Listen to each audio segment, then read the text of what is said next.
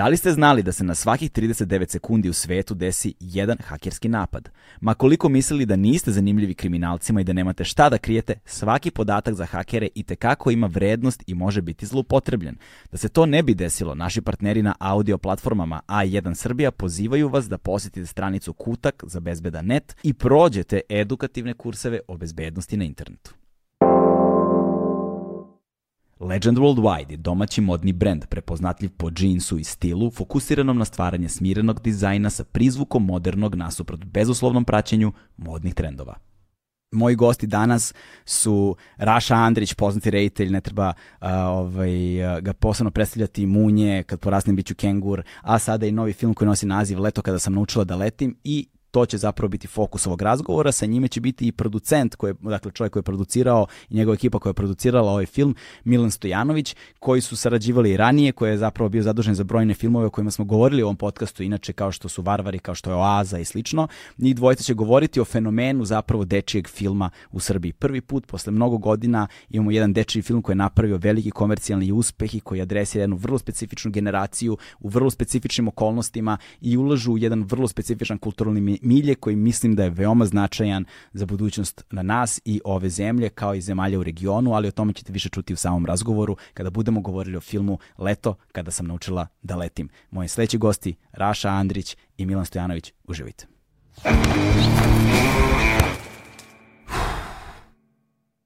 Hmm.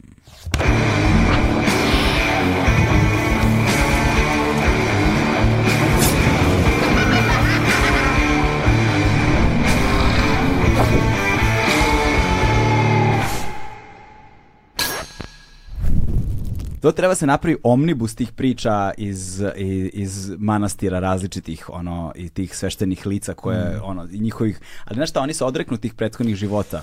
To je fora. Znaš, možda bude tako neki trenutak kao što si ti rekao, da kao I ima ih sigurno mnogo kao. Da. Ali ali verovatno te dozvole Mm, da, Teško. Da. Sad za ljude koji su, koji, pošto smo se, se tako uključili da im kažemo, počeli smo pričamo priču o tome kako imamo svi neke poznanike, prijatelje koji su se zamonašili umeđu vremenu, postali sveštena lica, ali su vodili zanimljive živote pre toga. Recimo imam drugara skatera koji je postao monah i onda kao s vremena na vreme vidi klinca kako voze skate, on u mantiji s bradom, otkine 360 flip, vrati skate, ode dalje, klinci ostanu vilica na podu, znaš, muve im ulaze u usta, ceo fazon. Dobro, ali ovog, ovog motoristu bi morali ponovo da pomenemo, to je stvarno da, da, da, da. Reci, o, mora će... Pa to je neki pop koji je motorist u isto vreme i kad skine manti, on je ceo istetoviran, a već ima bradu i ono kosu kao pravi motorista i onda pre nekih onih nekih tu, tura što rade motoristi, on dovede te motore u, u portu crkve, poškropi ih ono, svetom vodicom ili već kako to ide i onda kaže aj sad da, da nas čuje Bog i onda svi turiraju ko, ko, ko magarci u crkvi. Kako li znači, se to put, čuje u crkvi? Put do Boga je različit. Put do Boga preko četvorotaktog motora, brate. Znaš, i ako ima Krapović izduvnik, razumeš, pa to kad zabrunda kućo moja, a? Pa mora, nisi motorista ako nemaš taj Pa da, da, da, nema, Pa. Da, džave, Ja džave. sam ih viđao svuda po svetu, New York, ono, svuda. Mm, to je, jel ti imaš primer nekog? A ja sam uh, polagao za crni pojas kao klinac u manastiru Prohropčinski. Taj seminar se taj seminar se tamo održavao godinama i dolazili su ljudi iz San Franciska, Moskve, održavao je to ili Ilija Jorge je to vodio. I onda su naravno i neki ljudi iz manastira u stvari učestvovali u tim treninzima. To je bilo tri puta dnevno, nešto u šest ujutru. Kao ono, Da, a šta si trenirao? karate. Karate, karate. Tako je i Bruce Lee počeo. Da. U nekom manastiru, kao. Jeste, da, on, Shaolin, Shaolin, Shaolin, Shaolin. E pa drugari, prijatelji, dobrodošli. Ovaj ba, veliko mi zadovoljstvo da ste ovde danas. Uh, Milanče, ovaj Raša, a, tebe ne treba posebno predstavljati, ljudi pretpostavljam da znaju već decenijama unazad veoma dobro kosi. Ovaj Milanče, a, ti si producent pre svega, al tako? I ovaj glavni povod zašto smo se ovde okupili, verovatno će mnogi očekivati priče o munjama i kenguru, to ćemo nešto kasnije ako ostane vremena. Ovo je zapravo glavna stvar. Um, knjiga Jasminke Petrović i pozdrav za Jasminku Petrović, uh, pretpostavljam da nas sluša uh, ovaj, i cela priča o skejterima je krenula zahvaljujući njenom sinu koji je legendarni skejter grada Beograda. Ovaj, uh, ona je napisala a, knjigu koja nosi naziv Leto kada sam naučila da letim. Leto kada sam naučila da letim. Da, malo nesrećno je to letim i leto, pa kao, ovaj, po kojem ste uradili film. I to je nešto o čemu bih voleo da pričamo, ali a, pre toga, pre nego što počnemo da pričamo o samom filmu, ono što me zanima jeste Uh, šta je meni fascinantno, jer si me ti zvao, jel te, na premijeru, odnosno to je bila predpremijera, novin, šta je to bilo? Premijera. Premijera, zapravo, baš da. premijera, da. Ovaj, jeste što sam prvi put, posle, pa ne znam koliko godina, možda ikad u životu, ono, gledao uh, film za decu u domaćoj produkciji koji je nastao ono sad, znaš, kao vreme u, u, u tom trenutku kada ga gledamo, znaš, gledao sam ga možda kao klinac nešto što je nastalo 60-ih, 70-ih, početkom 80-ih, ali ne nešto što je nastajalo negde u duhu vremena u kojem mi živimo. Ovaj, je li ovo prvi neki film za decu posle koliko, ne znam? Pa bilo je nekoliko filmova za decu u poslednjih, ajde da tretiramo poslednjih 20 godina kao neki okvir. I bilo je nekoliko filmova za decu koji su imali razne kvalitete i puno truda i lepe energije uloženo u njih, ali čini mi se da je ovo prvi film za decu ili porodični film, kako mi više volimo da ga zovemo, koji je uspeo da dopre do šire publike, a i da animira, odnosno privuče ogroman broj dece. Mislim da danas smo došli do cifre od nekih 165.000 gledalaca, i siguran sam, pošto smo posećivali bioskop i negde pratili koja je otprilike demografija a, te publike koja ide u bioskop, mislim da je sigurno oko 70% te publike koja je do sad posetila da su baš deca. Uzrasta od 6 do negde 15 godina, da nam je to neki Ovaj, to nam je bila glavna ciljna grupa. Sve vreme smo se plašili da li ćemo do te dece uspeti da dođemo Da. i time smo se najviše bavili i kada smo pravili film i kasnije kada smo radili tu kampanju i uspeli smo. Da. I mislim da je to ogromna pobeda. Ono što je Jasminka uspela sa knjigom, knjiga je umeđu vremenu postala i deo lektire za sedmi razred osnovne Wow, škola. nisam znao to. Da. Wow.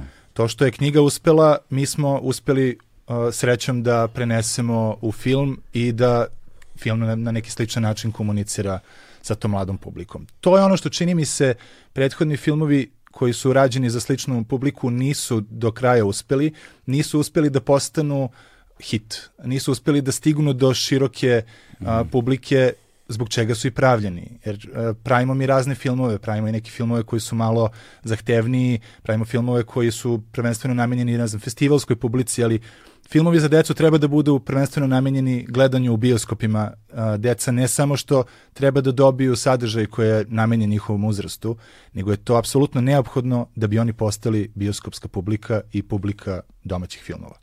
Pazi, ne samo bioskopska publika, nego prosto kreiranje sadržaja iz kulture Tako je. za različite uzraste, nekako navikli smo se da posmatramo, ajde sad s jedne strane, taj mali broj autorskog, eh, kao umetničkog filma i koji se pojavljuje svake godine ima po nešto, neko uspe da iscedi nekih dinar da napravi film, ovaj, ali ovih mainstream serija i filmova sada ima ono pregršt, ono, tušta i tma, jel te? Ali sam baš razmišljao, do, do- kad, kada smo ti ja pričali, kada sam bio na premijeri, razmišljao sam baš o, o tome kako nema tog sadržaja za taj vrlo delikatan uzrast nekog predtinejdžerskog perioda za decu koje ulaze ni, ni, ni u muzici kad govorimo, ni u filmu kada govorimo, ni u literaturi kada govorimo.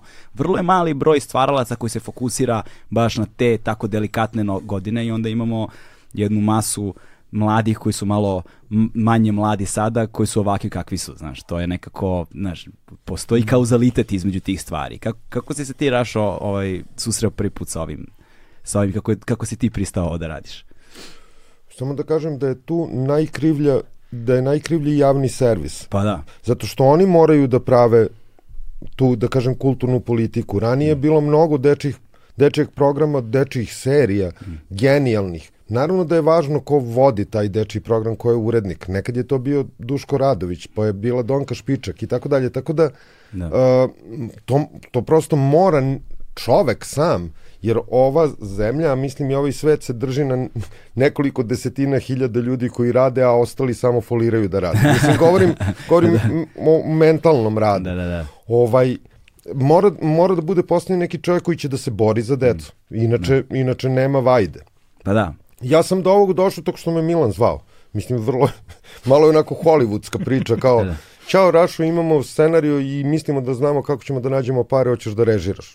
To je bilo, tako sam došao. A kako onda, kako, ka, zašto baš Raša? Pa to je nekako bilo uh, jednostavno. Uh, teže je bilo uh, smisliti šta ćemo ako nas Raša odbije. Jer mi smo pročitali knjigu, uh, sad bih pomenuo tu, pored Jasminke Petrović, prva sledeća osoba koja je bila ključna za, za ovaj film je Maja Popović-Milojević, koja je takođe producent, zajedno smo producirali film, ona je i partner u našoj kompaniji i otprilike iste večeri ili možda ona i večer ranije pročitala knjigu i zvala me uplakano, onda sam ja odmah pročitao, Mada sam ja predložio da je pročitamo to, moram da uzmem sa kao svoju zaslugu. Da, da. Ali ona je prvo pročitala i rekla da, ovo je genijalno i onda smo, ok, dogovorili smo se, ovo mora da bude film, shvatili smo, pričat ćemo posle verovatno o tome šta, šta je ta knjiga imala i šta smo tu prepoznali, ali a, kada smo rekli, ok, ajde da pravimo ovaj film, onda smo rekli prvo moramo da smislimo ko će to da režira.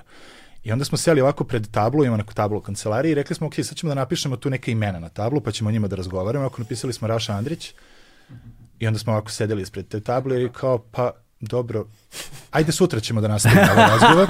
I onda smo sutra opet seli pred tu tablu i opet nismo napisali jedno. Tek posle nekoliko dana smo napisali još jedno ime pa smo ga odmah obrisali kao ne.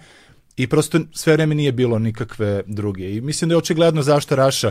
Raša je prvo neko ko ima fantastičan smisao za humor i odmah smo prepoznali da je to nešto što bi moglo da nadogradi ovaj, tu knjigu, a prema filmu. Drugo, Raša je uh, sad da ne kažem jedini, nije sigurno jedini, ima puno reditelja u domaćoj kinematografiji koji poznaju zanat, ali ja sam radeći sa Rašom u nekim drugačijim kombinacijama znao uh, koliko je Raša vešt u tom rediteljskom zanatu, koliko mu je stalo da se priča i ispriča jasno i da se prenese emocija i to je nešto što je za ovakav film apsolutno bilo neophodno. Da. Naročito jer treba da komunicira sa nekoliko ciljnih grupa, odnosno sa nekoliko različitih publika, da prenese izuzetno kompleksnu priču koja funkcioniše na nekoliko nivoa. To može samo izvrstan reditelj sa jako puno iskustva i sa pravilnim pristupom. I za kraj radio sam sa Rašom neku reklamu jednom kada smo radili sa decom i video sam kako radi sa decom i eto, to je bilo to. Da. A, ajde sad da se fokusiramo malo da, pre nego što počnemo za ljude koji pre svega nisu gledali film i koji će ga, nadam se, pogledati nakon ovog razgovora. Se fokusiramo na priču. Šta je priča zapravo i kako se ta priča posle prevodi u filmski jezik? E, pa i tu sam imao ja, sreće, zato što su mene Milan i Maja zvali već kad je bio napisan scenariju. Aha što je jedan od najgorih momenata u pravljanju filma kad krećeš od knjige da se literatura pretvori u filmski scenario zato što su zakonitosti ta dva, te dve vrste uh, spisateljskog zanata potpuno drugačije. Hajde malo da pričamo o tome. Na koji način su drugačije i kakav je zapravo roman, posao? Roman može da bude ne mora da prati neke specijalne zakonitosti. Može da bude, roman prvo može da traje 700 strana, da. može 300, može 100, može 70, a filmski scenario mora da traje 90 strana ili 95 strana i to je to. Za ratni film ili neki akcioni, ne akcioni, nego uh, možda i umetnički film može da, da bude i 120 strana, ali to je malo za ove komercijalne filmove sat i po, kao toliko čovek izdržava, da. mislim toliko traje futbalska utakmica, toliko je nekako ti sat i po, ja sat i po mogu da sedim i da recimo u kafiću i da, ne znam, pijem piće. Posle toga me tera da idem dalje. I onda je to, to je prvo komplikacija oko dužine, onda drugo je komplikacija u filmskoj dramaturgiji, dramaturgiji postoji mm, zakonitosti kad šta mora da se desi. Ti recimo u prvih 7 ili 12 sekundi moraš da znaš koji je žanr tog filma. Da. Je, je, mislim, to je kao... Da. Možda pa onda mora, sad, možda i ne mora. Pa, e, ja sad govorim o onome kako je školski. Sad Aha, ti da. kad ti znaš sve te zakonitosti, kao Jackson Pollock koji je znao da. zakonitost, kako se slika, pa je onda na kraju došao do, do svog da. akcionog da. ili već kako da, se beše zove slikarstva, ali ti možeš da znaš ovo ranije, pa onda možda... Abstraktni ekspresionizam. Pa e, možeš, možeš ovaj da, da izbegavaš i da zaobilaziš i da praviš neke fore kako da izbegneš, kako da promeniš te zakonitosti, ali kao kad se radi komercijalni film, mm. koji treba da bude gledan, ti moraš i bilo pametno je da se držiš toga jer publika tako diše. Njima postane dosadno ako zaplet ne krene između sedmog i 12. strane scenarija. Da, postane da. dosadno i oni krenu da se vrte. I ti sad posle možeš da se trudiš da vratiš tu pažnju i da gubiš na to vreme filma umesto dalje da ih vodiš kroz da. priču. To ima veze sa, e, sa ritmom disanja i sa kucanjem srca. Ima, objašnjeno je zašto Zaista? to sve.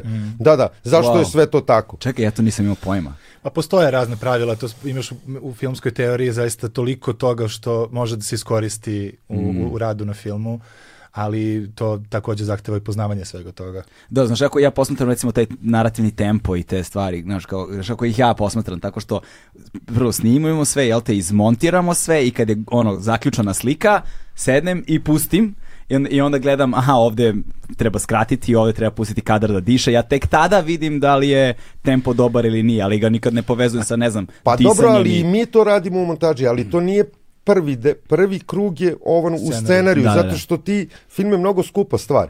I ti sad ti ne možeš da snimiš sad tako svašta nešto, pa ćeš u montaži da vidiš. Možeš ako si kusta, Da, da. ali, ali ako nisi kusta, ne možeš.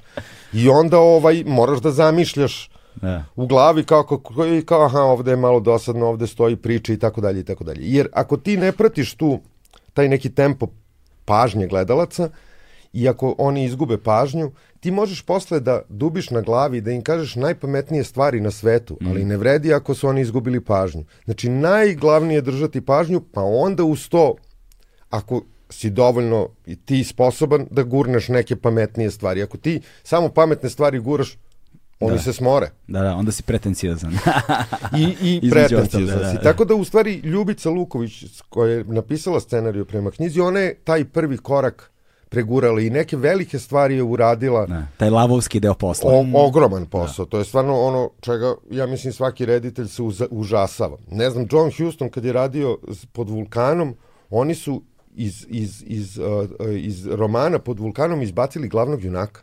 Znači ti moraš da uradiš nekad stvarno radikalne i film je genijalan, knjiga je genijalna, ali film ne bi bio genijalan da je bio opterećen i glavnim junakom. On je, to je, mislim, ozbiljno radikalan korak. Tako da ovde nismo imali toliko radikalne korake, ali bilo je, bilo je nekoliko. Da, tu postoji takođe i to tih slojeva naracije koji mogu i kao i paralelnih radnja, ra, radnji koji u, u književnost, koje književnost trpi prosto zato što je ono narativni tempo uh, u, u, u književnosti i to čitanje je nešto što ide ono u etapama prosto, znaš, koliko sad je to, to je tvoj individualni ovaj, i tvoj, tvoj, prilagođavaš se prema sopstvenom individu, prema sopstvenim potrebama kako ćeš da čitaš neko delo ali kada se to prevodi u filmski jezik, verovatno gomila tih nekih dodatnih elemenata moraju da otpadnu. To je, Kubrick je pričao o tome onoliko i kad posmatraš ekranizacije k- knjiga, ti tačno vidiš, ako si i čitao i gledao, vidiš gde su svesno izbačeni određeni elementi. Ono. I to funkcioniše genijalno. Da, samo moraš, moraš to da Mislim, Da. moraš da provališ kako. Ja ne znam baš sad, jer ne, nisam ja sad matematičar i to da znam baš tačno u Da. teoriji. Kao A ja, verovatno ja, ni nema jasne formule. ima i verovatno ih ima nekoliko različitih, nego, nego kao vremenom ti kad čitaš mnogo i knjiga i scenarija, vremenom stekneš nekako, sam stekneš znanje kada, kada, t- kada pišeš primetbu, ovde je dosadno, ovde priča stoji, ovde se ne razvija glavni lik, ovde i onda na tome se radi. Mi smo na kraju uradili, ne znam, 12-13 verzija scenarija posle te Uje. prve verzije i to je trajalo jedno dve godine, možda i tri.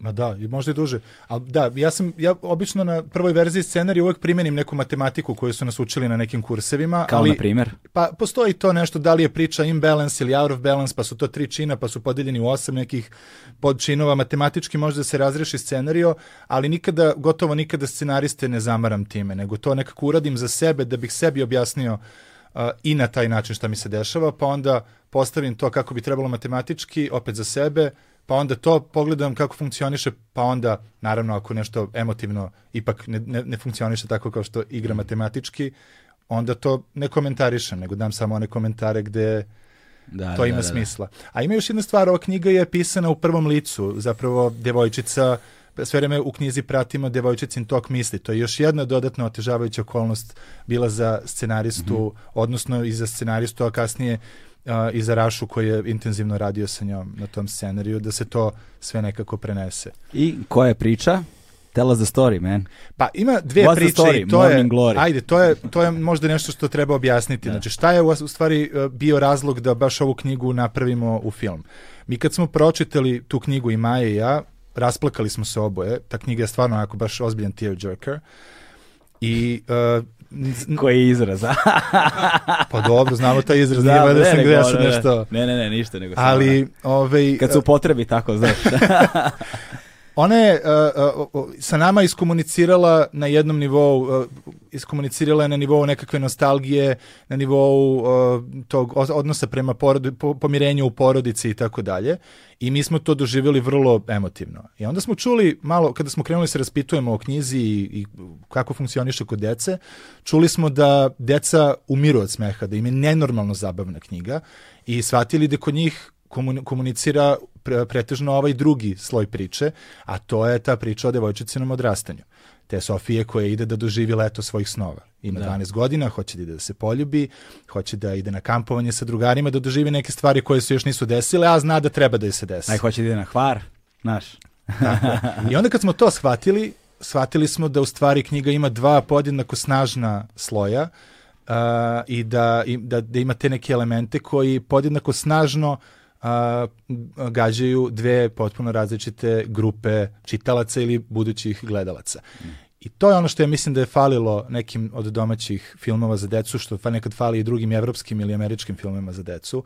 I to je ono što od filma pravi film za celu porodicu ili što sad kažu da je ovaj film kao i knjiga od, se, za, od 7 do 77 kao politikin zabavnik. Da. A1 je prvi prijatelj audio izdanja Agelast podcasta. Ta višeslojnost priče je u stvari ono što je Da. od ovoga napravilo. Multivalentnost, ono, de, dela. Sad, Rašo, pitanje za tebe, kako si se kontrolisao da ovaj drugi narativ ne preuzme ovaj, svoje, znaš, da ne ukroti ovaj prvi? Teško. Mislim, Poznavajući tebe, mislim, znaš. Teško. Oni su odmah na početku mi rekli, kad sam ja sad predao prvi spisak primetbi, koji je, ja mislim, bio isto dugačak koliko i scenario, Šta je bilo oni su odmah primedbi? rekli, ja, Rašo, pa čekaj, ne možeš ti sad ovo da režiš ovako pankerski kao što si ovo do sad, ovo je dečiji film.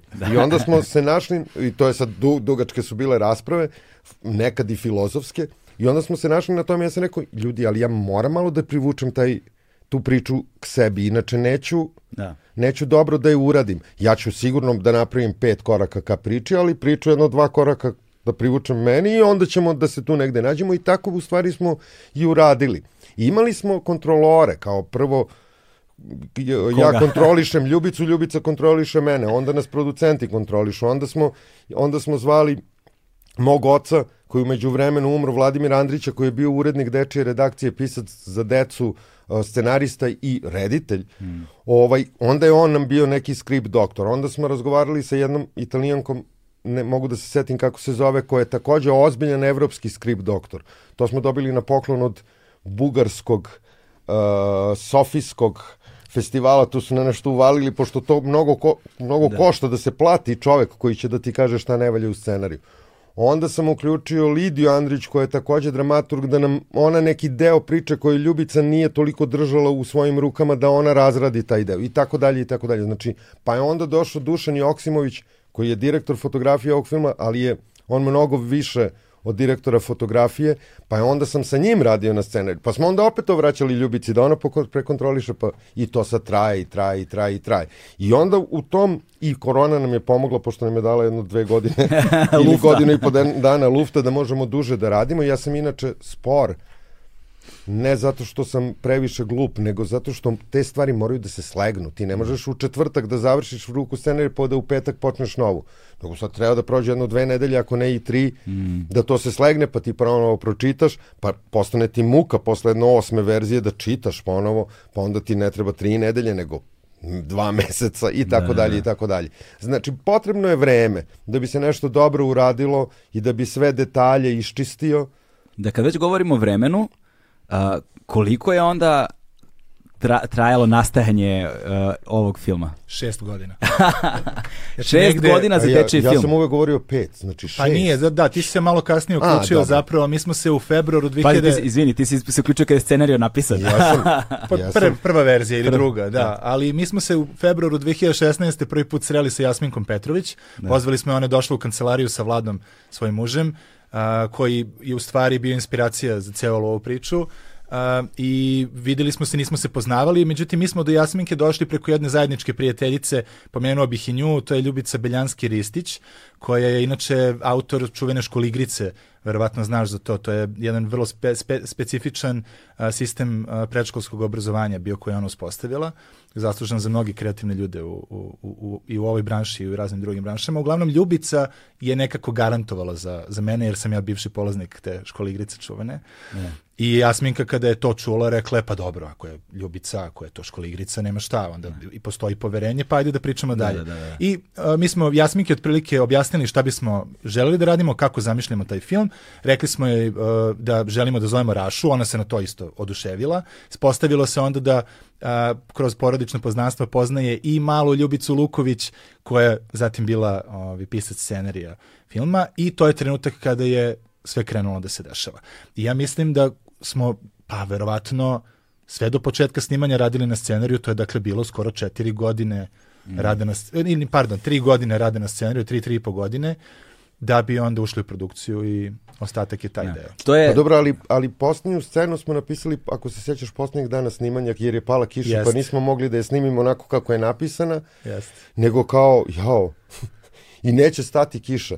Šta da radimo? Ne, aj čekaj, staće kiša. Čekaj, ne mogu ja da čekam, idem ja da napišem varijantu.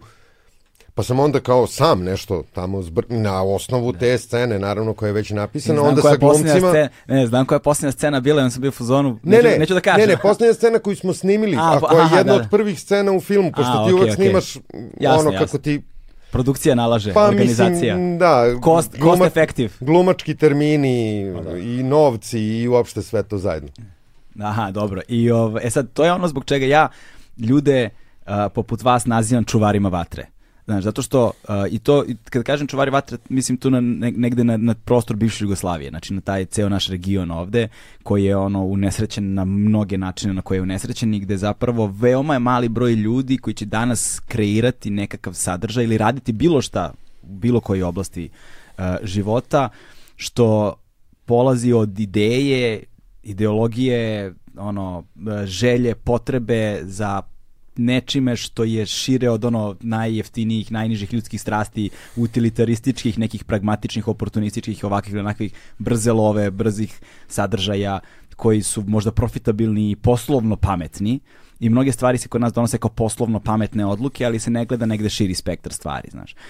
Šest godina nastajanja dečijeg filma, za koji ne znaš da će ikada napraviti bilo kakav komercijalni uspeh, koji pritom, pritom ima nivoe priče koji su vrlo angažovani, ovaj, gde se naravno naš tvoje lik i delo jasno učitava u svemu tome, ovaj, je nešto što je za poštovanje. Posebno što govorimo o nečemu u šta naša industrija nije ulagala novac Ne znam kada je posljednji put dat novac da se uradi nešto ovako. Znaš, i ovaj, nadam se da će to dobiti prostor upravo na javnom servisu Dobro, o kom sam, si govorio. samo, da, samo da skrenem pažnju, nismo sad mi svih šest godina samo radili ovo. Pa naravno. Morali smo da radimo i neke druge stvari Mora da bismo da preživili. da. Tako da, ali, ali je to važno jer tebi, bar moj mozak, ja mislim da. i većina ljudi radi tako, što ti kad radiš jednu stvar, napuniti se glava tim i vidiš probleme i uh, problemi pošto razmišljaš o problemima, samo oni rastu, a rešenje je tu odme iza tog problema, ali problem je naravno oko neko brdo i ti preko tog brda ne vidiš rešenje. I ostaviš to, radiš neke druge stvari, prođe neko vreme, ti se vratiš ovim problemima, no, ovaj prvog projekta sa, od koga si pobegao jer nisi znao kako ćeš, rešenje su tu. Da. Ti, ti uopšte ne gubiš više vreme, samo sedneš i pišeš ono što treba. I to je dobro, to nekad je potrebna samo jedna noć. Ja vrlo redko odgovaram na mailove ili na bilo šta uveče. Da. Nego ih pročitam uveče i ujutru ja već znam šta ću da napišem. I to je, to je vrlo dobar savet da kao kad... To, to nije, to nije, Čekaj, gde mi, je žena, gde mi je žena da čuje? To nije guranje... Gde mi je žena pod, čuje da se na mailove ne odgovara uveče? To nije guranje pod tepih. To je, to je guranje negde malo sa strane pa se vratiš. I to baš stvarno pomaže. Ja mislim da su to budisti smislili, nisam ja. Da se na mailove ne odgovara uveče. da se na mailove ne odgovara uveče, da. To je, to je Shaolin, da. znaš. A da, to je naš poslednji kineski no. car kao. o, da. Koliko sam puta gledao taj film? Uje, to je, da, to je. Na kaset. Je, Koliko sam puta ja gledao ovaj film, pa popio mi se na glavu u montaži, poludeo sam. E, da, to je, to je, to je zanimljivo, dakle, a, kod, lju, kod umetnika, ono što publika vrlo često ne uzima u obzir jeste da umetničkim delima uživaju svi sem umetnika koji su ih stvarali. Znaš, to je prokletstvo velikih umetnika. Prokletstvo velikih umetnika je da oni ne mogu da uživaju u sobstvenom delu, jer oni ne mogu da ga vide na način na koji ga vidi publika. Tebi se smuče film, Ti verovatno. ne možeš očima da ga vidiš. Mislim, ja ono, ja sam vrlo brz kad menjam kanale, kad najđu reklame ili Vučić ili već Da, da, da. neko, ne znam sad da li smem to da govorim. Možeš, slobodno. Dobro, Brnabić i svi ostali koji me nerviraju, Vesić, ne znam tamo vamo.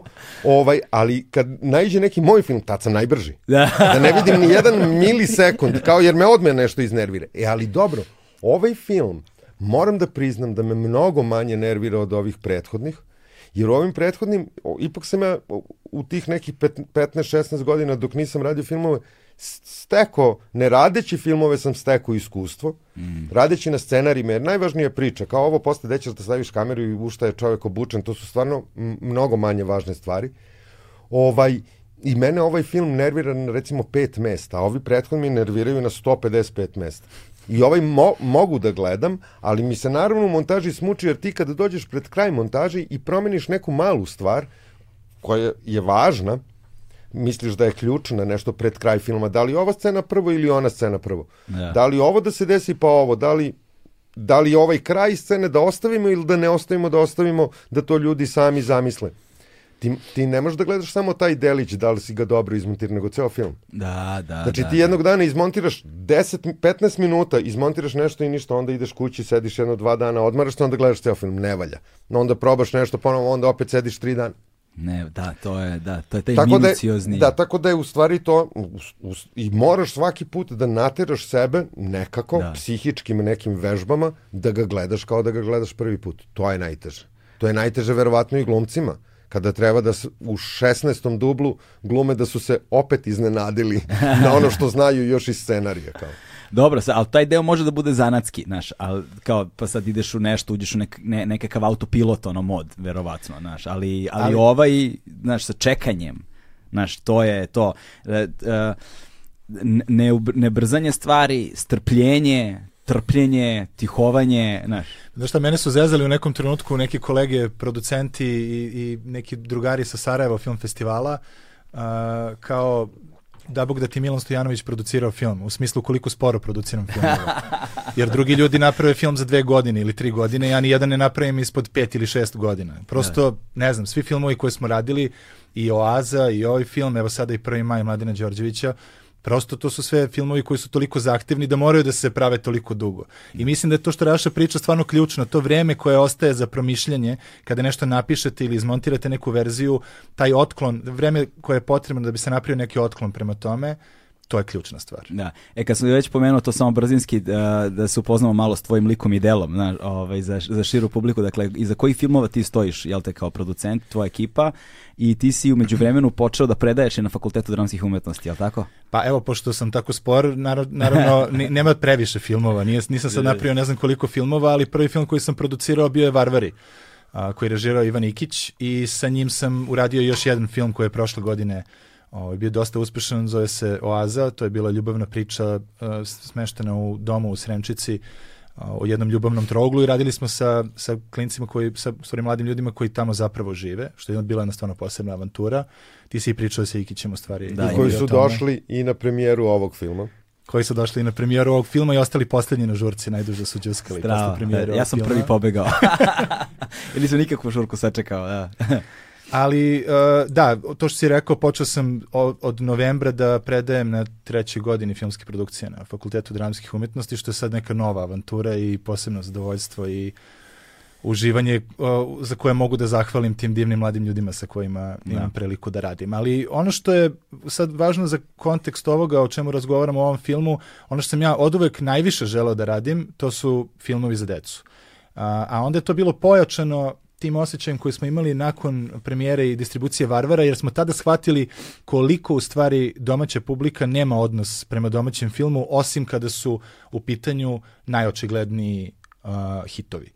I da u stvari u Srbiji ne postoji više ta domaća filmska publika koja je postojala ranije. Onda kada smo razgovarali i razmišljali o tome, shvatili smo da je glavni uzrok u tome što se ta publika ne gaji i što se sa njom ne radi. Dakle, ne postoji razvoj publike u Srbiji, a o, možemo mi da radimo kakve ho, god hoćemo radionice za decu, po školama, radili smo i to, ali razvoj publike je ovo.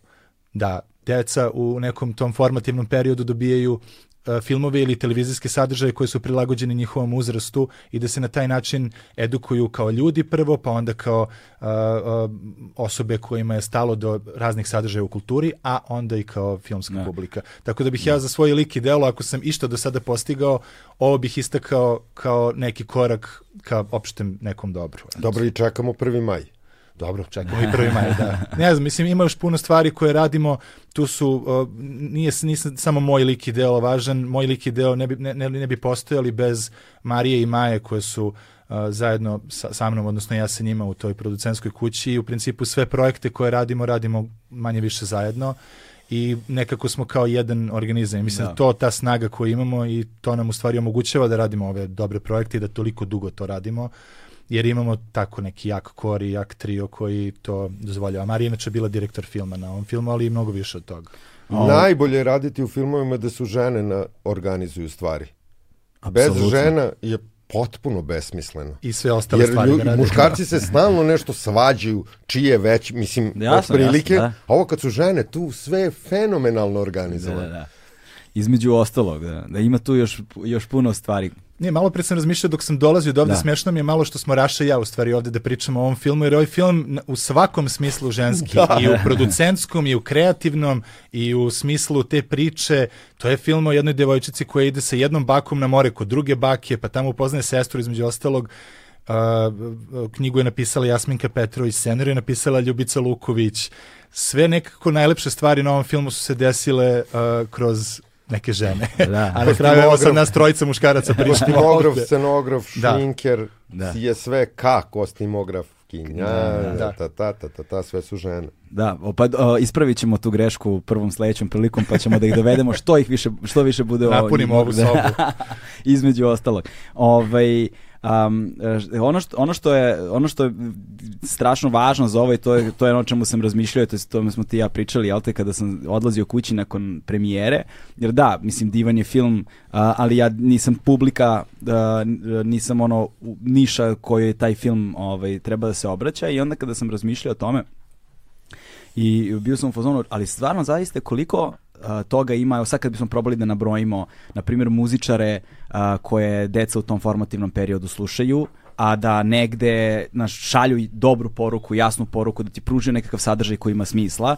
Meni je prvi na pamet pao, ne znam, Marcello, na, recimo, koji, znaš, ja znam na njegovim koncertima i ranije, postoje klinci koji su uz njega odrastali, znaš, on je dosta dugo na sceni, prosto. Sećam se, ja sam bio na nekoliko njegovih koncerta koji su raspadati, to sve budu, ono, pozni tinejdžeri negde, ono, 18, 19, po te rane 20. I ti kad pomisliš, okej, šta još oni imaju da slušaju osim njega, što odgovara tom nekom kulturnom miljeu, nema puno toga. Baš ono, mora se pomučiš da razmisliš i da navedeš možda još dvoje, troje nekakvih izvođača.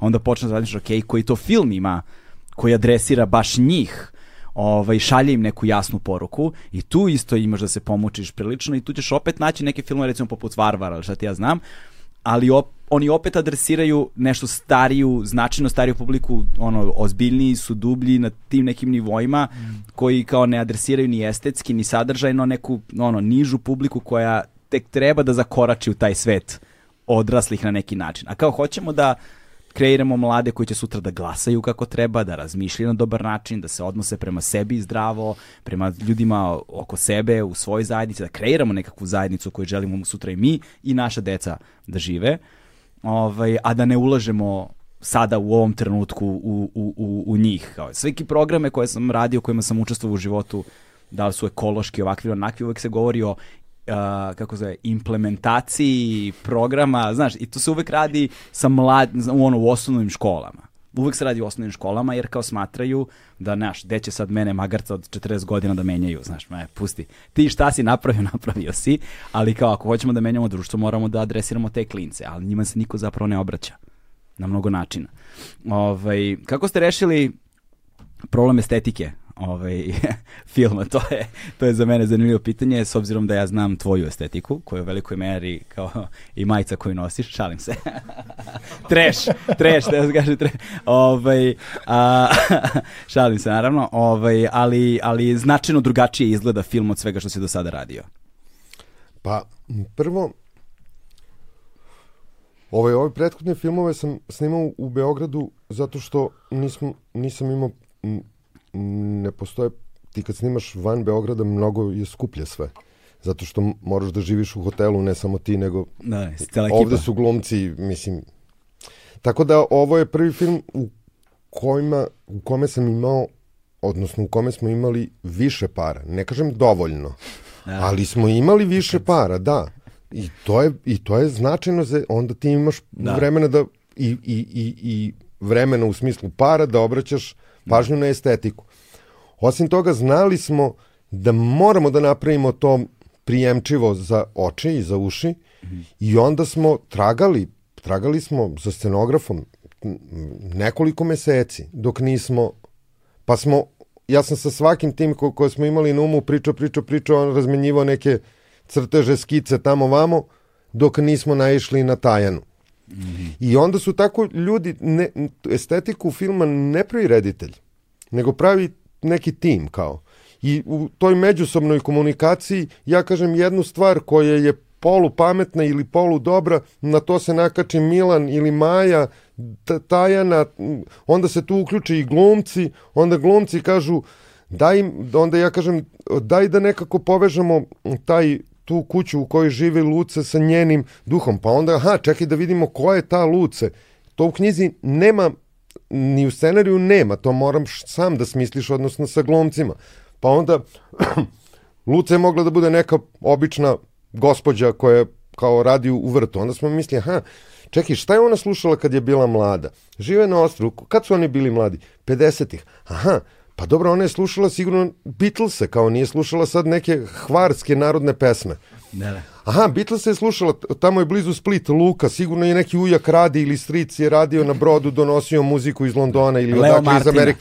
Tamo, I onda kao kreneš da gradiš te likove, onda to prenosiš na ostale ljude i onda se ta estetika nekako stvara i nju ne stvaram ni ja, ni sama priča, nego je stvaraju svi ljudi koji su oko nje i kao znao sam, mislim oni su mi rekli nemoj pankirski, a i ne bi ni ja radio pankirski za decu, kao. Mada ponekad sam morao malo da Ima panka. Malo sam morao. Ima kao. panka. Pa ima panka, nije. Glavna Rašina bojazan je bila da li ćemo mi uh, hteti da taj film bude razglednica za Hrvatsko primorje. Onda je to sve bilo, smo mi rekli, pa ne, nećemo, nema veze. Ajde da ne bude skroz punk i da ne bude razglednica, nego da nađemo neki dobar balans mm. između ta dva, da to bude lepo, a da bude cool i zabavno i da... I, i, i mnogo nam je pomogla i Klara Hrvanović koji igra glavnu ulogu Sofiju, zato što smo onda taj moj neki, ajde da kažemo, punk, je i ona imala. Da, da, da. Jer je scenariju je bio je malo o poetičnijoj devojčici nego što je ova. Tako da je ta poetika nekako ponako se osipala, ostalo je, mm -hmm. ali se osipala i nema je previše, nego ona postala jedna malo drugčija osoba sa malo nekim drugčijim integritetom, uh, borac i tako dalje. Jer ljudi vole da gledaju filmove i da čitaju knjige o borcima, o gubitnicima Osim ako nisu ljubitelji kafke. Mislim, sve je u redu da... Pa ne, ali i da. on se čovjek bori kao Jozef K, samo što da, da, da. Ne, ne uspeva. Kao, važno je da se ti boriš. Da li ćeš uspeti, nećeš uspeti, nema veze. Da. Ili Gregor Samsa, naš, on mi je malo bliži. pa da, ali po meni isto gubitnici nisu oni koji gube. Gubitnici su samo oni koji se... Predaju. Predaju. Predaju Tako da, je. Da, da. Što je dobra najava za nedelju sada za izbore. Da, da, ja. I onda smo u stvari, onda sam ja... Sam, sam, Ali se ovo emituje posle izbora, tako da, znaš, ne možemo... Sa Klarom da... sam stalno govorio da mora da se bori ali ne samo kao lik da se bori, nego ona kao Klara mora da se bori. Da. Sa umorom, sa dosadom, sa svime, moraš, moraš da se izboriš sa tim i mislim da smo je pomogli u odrastanju ovim filmom, nismo odmogli, jer dešava se često da. da kad ljudi mladi uđu u tako nešto i dožive neku slavu, da propadnu. Mislim, da. Hollywood je pun takvih primera i mi smo se toga... Eno ga Macaulay Colkin, mrati. Pa mislim, razni. Mi smo se, se toga, znaš, ono kao Drew Barrymore u 12. godini išla da se skida s droge. U 12. godini išla na lečenje. Da, da, znači, da, da. to je, mislim, da. ozbiljan problem. Kao. I ovaj, ali dobro, evo, živa i nije loša glumica i dalje. Da, da. E, mi, mislim da smo Klaru, od početka smo imali tu svest, jao, samo da nam se to ne desi, ne smemo da uništimo ničiji život, kao. I onda Ali mi- smo je maltretirali, kao, Ali mi je stalno smo je udarali po ušima da se spusti na zemlju. Ali zanimljivo mi je način na koji je do sada tematizovana u samom filmu. Znaš, i strava mi je to kao neko ko je ono, pre, jel te, pre nekoliko godina postao roditelj i sad jasno ti je da detetu mora da bude dosadno, znaš, da bi počelo da razvija sopstvenu imaginaciju. Znači, na, jer to je trenutak kad ono dosađuje se, dosađuje se, dosađuje se, dosađuje se i onda počinje da izmišlja stvari i da zapravo, znaš, i sada kao ti se, ti imaš tu negde, ono, uh, uh, uh, ra, rascepan si na dve strane, znaš, kao s jedne strane kao ja, žao ti je gledaš dete, odmah bi da animiraš da nešto učestvuješ, a s druge strane mora pustiš dete malo da mu bude dosadno, da bi počelo da se igra samo, da bi počelo da zamišlja stvari, da, znaš, da ne bude sve, i to je ono gde kao ta tehnologija i sve te ono plastični proizvodi koje dobijemo zdravo na gotovo, koji ne ostavljaju nikakav prostor za imaginaciju, nam ono ubijaju taj, tu mogućnost razvijanja toga, znaš, kao što su, ne znam, ono, sa telefonima, društvenim mrežama, sa čime god, kad krenu gledaju ekrane od ono, znaš, treće godine života, znaš, imaš problem negde. I, i, i, i deluje mi, sad ne znam da li je to sad moje učitavanje, ali deluje mi da se to na neki način adresiralo u filmu. Znaš. Mislim, ona je tamo, Ja smo, jako smo Jeste. brinuli o tome. O, oni su mnogo više, pošto sam ja malo van, da, malo sam old school, oni su ipak malo ba, New school. New school, da. I onda su oni, oni su mi, oni su mi to, to gurali, a ja sam naravno prihvatao, kao, jer važno je, da va, mislim, za čoveka koji se bavi bilo čime je važno da zna šta ne zna. I da prizna sebi, ja to ne znam, pomozite mi. To je najbitnije. Da, imali smo i tu divnu sreću da smo u jednom trenutku tog casting procesa okupili jednu grupu od pa, 30 djevojčica. 23, 20, 20 do 30 devojčica, 10, 11, 12 godina, koje su uh, prošle kroz jednu radionicu glumačku sa, uh, sa Milom Manojlović i Nikolom Todorovićem koji je kasnije bio uh, deo ekipe i radio dalje sa Rašom i sa Klarom. I u tom procesu, pored toga što se dešavao casting i ta glumačka radionica, dolazila je i Ljubica uh, Luković koja je pisala scenario i malo provodila vremena sa njima i razgovarala sa njima o različitim aspektima filma, o društvenim mrežama, o, uh, o, o odnosima među njima i tako neki, i na taj način smo uspeli da dobijemo te neke nijanse i u vezi sa dosadom i u vezi sa uh, učešćem mreža u životima tih, uh, tih mladih ljudi i tako dalje. I to je onda dodatno obogatilo priču i učinilo je uverljivijom, što, eto, na kraju I šta, znači. šta, ste, šta ste saznali što niste znali pre toga kada ste to, kada, kada ste dobili te informacije? Ja jednu zastrašujuću stvar, nek prvo Milan kaže. Ne, ne, ajde ti prvi. ja sam se užasnuo, kao, koju, koju, evo sad koja ti je najomiljenija, što smo mi tako s, s njima, te kad kaže se kurs glume ili glumačka radionica, mi smo se šetali po parku, vodili ih u McDonald's, išli na sladoled, lupetali gluposti, igrali se neke društvene igre i tako dalje, da, jer na taj način prvo decu opuštaš, a drugo saznaješ svašta od njih, kradeš, prosto kradeš znanje. I sad daj kao malo o muzici. I ta naj, naj, stvar koja me najviše ono, šokirala je bila kao ja kažem, daj, daj mi pusti neku koju sad najviše voliš pesmu, evo sad koja ti je najomiljenija. Ona mi pusti, pesma traje 20 sekundi. Ja kažem, daj, mislim samo isečak, daj da, daj da čujemo celu pesmu. Ona kaže, nemam. Kako nemaš? Pa nemam. Pa si nekad čula nešto osim ovih 20 sekundi? Nisam. Samo je to toliko staje na TikTok. Pa čekaj, nikad te nije zanimalo da, da čuješ celu pesmu? Ne. U, Ja sam, na primjer, onda sam se užasno uplašio jer sam bio u fazonu, aha, ona nema koncentraciju da sluša tri ili dva i po minuta numeru nego 20 sekundi, kako će da gledaju deca film od sat i po. I to mi je bilo, to mi je bilo najstrašnije saznanje šta su učinile te mo, Da. ovaj brzi modern način života i, i nove To je tehnologije, ta šta su učinila. Spot kultura, kratkog i brzog. Jeste, ali ono što je, da se nadovežem na to Rašino, takođe smo tada shvatili da je e, taj format e, i da je ta mreža, te TikTok u principu kao domi, to. dominantna a, da- figura trenutno u životima tih mladih ljudi. I to što Raša kaže je tačno, postoji taj attention span od 15-20 sekundi za jedan sadržaj, ali zapravo šta to znači? Oni neće da pogledaju samo jedan klip pa će da ugase TikTok, nego će da nastave na drugi klip, treći klip, treći, četvrti i tako dalje. Klipovi se smenjuju i oni u stvari formiraju sebi neku drugu vrstu narativa, što je nalik onim našim uh, uh, interaktivnim knjigama sa Pinokijom ili, ili uspanom lepoticom, drugačije ne, da, vreme, da, da. drugačije Da, da, da, da, da. sadržaj. Da, da. Ali, hoću da kažem, oni i dalje rade i, i prave sebi neku selekciju tih sadržaja. Tih sadržaja je sada neograničeno mnogo na svim tim mrežama i nisu oni blesavi, nisu oni glupi sad. Da. I oni nalaze svoj put kroz to. Ono gde mi možda možemo da im pomognemo, možda možemo na neki način da ih dodatno edukujemo u smislu medijske pismenosti, ali se plašim da će uskoro oni morati da edukuju nas. E, pazi, tu sad postoji jedna razlika, ne, nešto što sam ovaj, i, i sam primetio, postoji razlika između uh, spretnosti i kompetencije.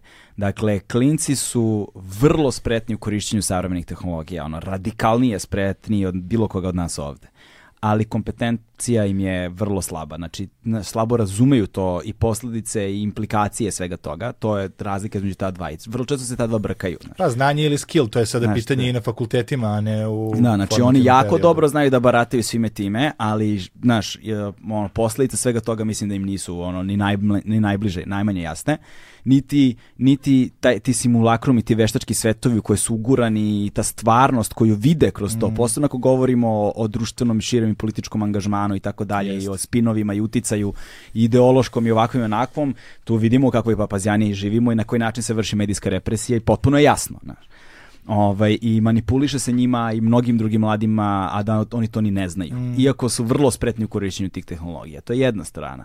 A druga strana je upravo ovo, na primjer, kao što si ti rekao, Rašo, znaš, kao 20 sekundi, jel te, kao ne zanimate da čuješ celu pesmu. Mm. Znaš, taj, taj, taj, taj, taj inicijalni, sad možda u tom konkretnom slučaju, znaš, možda ta konkretna klinac ili klinka ili ta konkretna pesma, znaš, sad svašta tu nešto može bude, ne bi da ulazim u to da optužujem bilo koga, ali taj trigger radoznalosti duha, kao, znaš, da ti sad razvijaš i to ono što mi se dopada negde i što je do sada između oslog i tematizuje na neki način razvijanje ne samo kreativnosti, nego i radoznalosti duha, da ti kreneš negde da istražuješ nešto, da imaš želju da saznaješ stvari i, i, da, i da dozvoljavaš da to novo što saznaješ te menja znaš, da te transformiše, da te negde obogaćuje, da samo uzidavaš u sebe što mm. više toga, da negde da lepeza tvog karaktera bude što šira vremenom.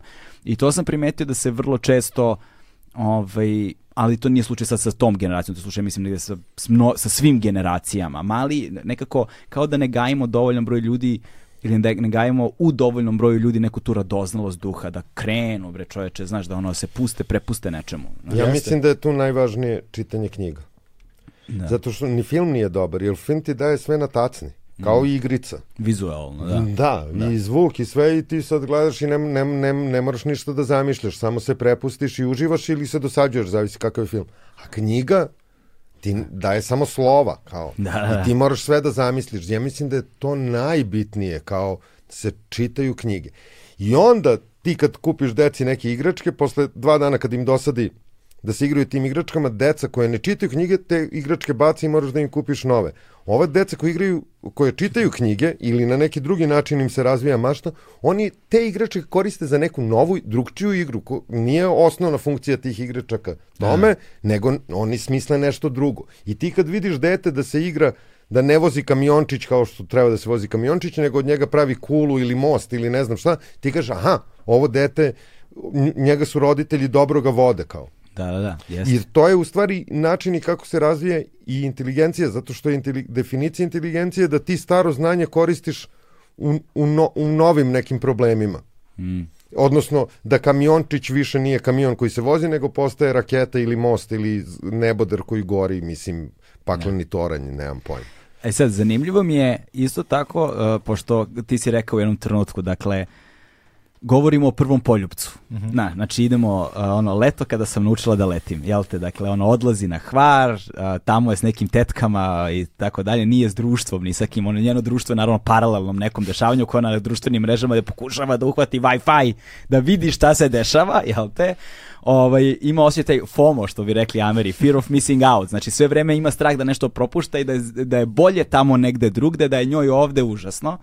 Ovaj, I to se naravno transformiše i menja kroz vreme, ali u tom delikatnom, emocionalnom, razvojnom, psihološkom, socijalnom, na svim mogućim nivoima jednom detetu dešava se još jedan plan. To je taj drugi, angažovaniji plan, jel te, a, priče, koji mi se zaista dopao jer je negde jugoslovenski, jer je negde priča o pomirenju priča o sukobu i priča o pomirenju, nešto što zaista kroz kulturni sadržaj ne viđamo često.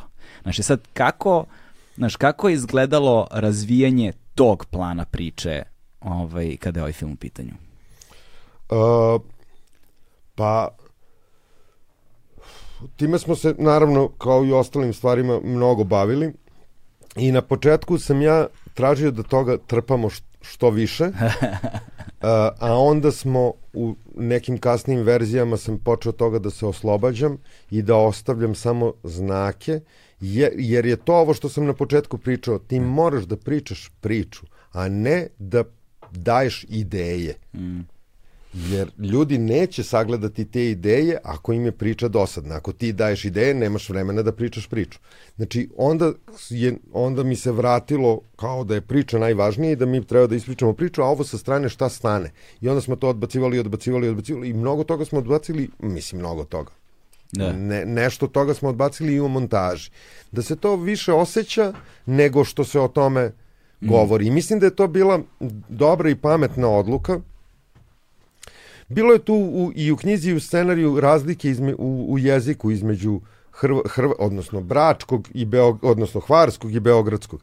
To je vremenom scene koje su posvećene tome, ostaje to kao neki odijek, kao neki zvuk sa strane u mnogim scenama, ali da. nijedna scena nije tome posvećena. Mi smo imali oko svake te neke teme, bar jednu scenu koja je posvećena tome. Sve te scene su otpale još na nivou scenarija i to je bila dobra odluka jer, jer onda te stvari nisu opteretile priču. Kad ideje pojedu pričanje priče, ode da. mastu propast. Da, da. E, to je sa, jezičkog aspekta zanimljivo, ono, kako su sad ti klinci komunicirali, koliko su ti klinci uopšte imali pre tog iskustva, iskustva u kontaktu sa klincima e, iz, iz različitih regiona? Pa Klara jeste zato što ona letuje na Visu Aha, e, godinama, da. tako da je ona imala neki odnos prema tome. Ih, Vis je divan. Ali je bilo interesantno videti ih kao grupu bez obzira, zato što ta grupa, uh, kakvu je vidiš u filmu, otprilike se ta, takva grupa desila i za vreme snimanja tamo na Hvaru. Oni su tako funkcionisali. Svi oni klinci koji vidiš u filmu, oni su se stvarno družili tamo za vreme snimanja. I to dok, kako, kad smo videli njih kako se druže i tu je bio i ovaj dečko iz Slovačke, Klara iz Beograda, uh, ovi ostali sa, iz, sa, bra, sa, sa, bože, iz Splita, Zadra, Hvara. Sa Hvara, tako je. Da.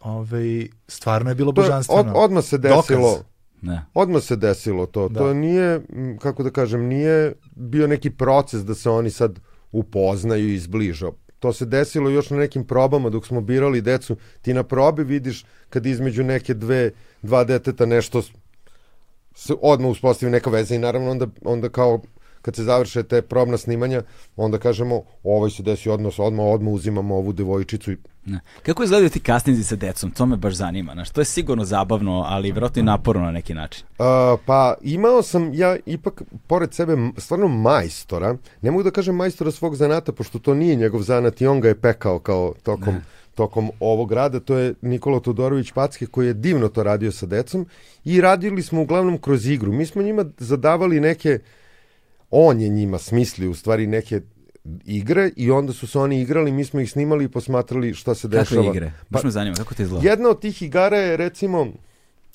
sad ne mogu tačno da se setim pravila, ali ti imaš dv, kao da, daju ti daju dati packe da ti da je tvoja ambicija recimo 10, ali tvoje sposobnosti su 4.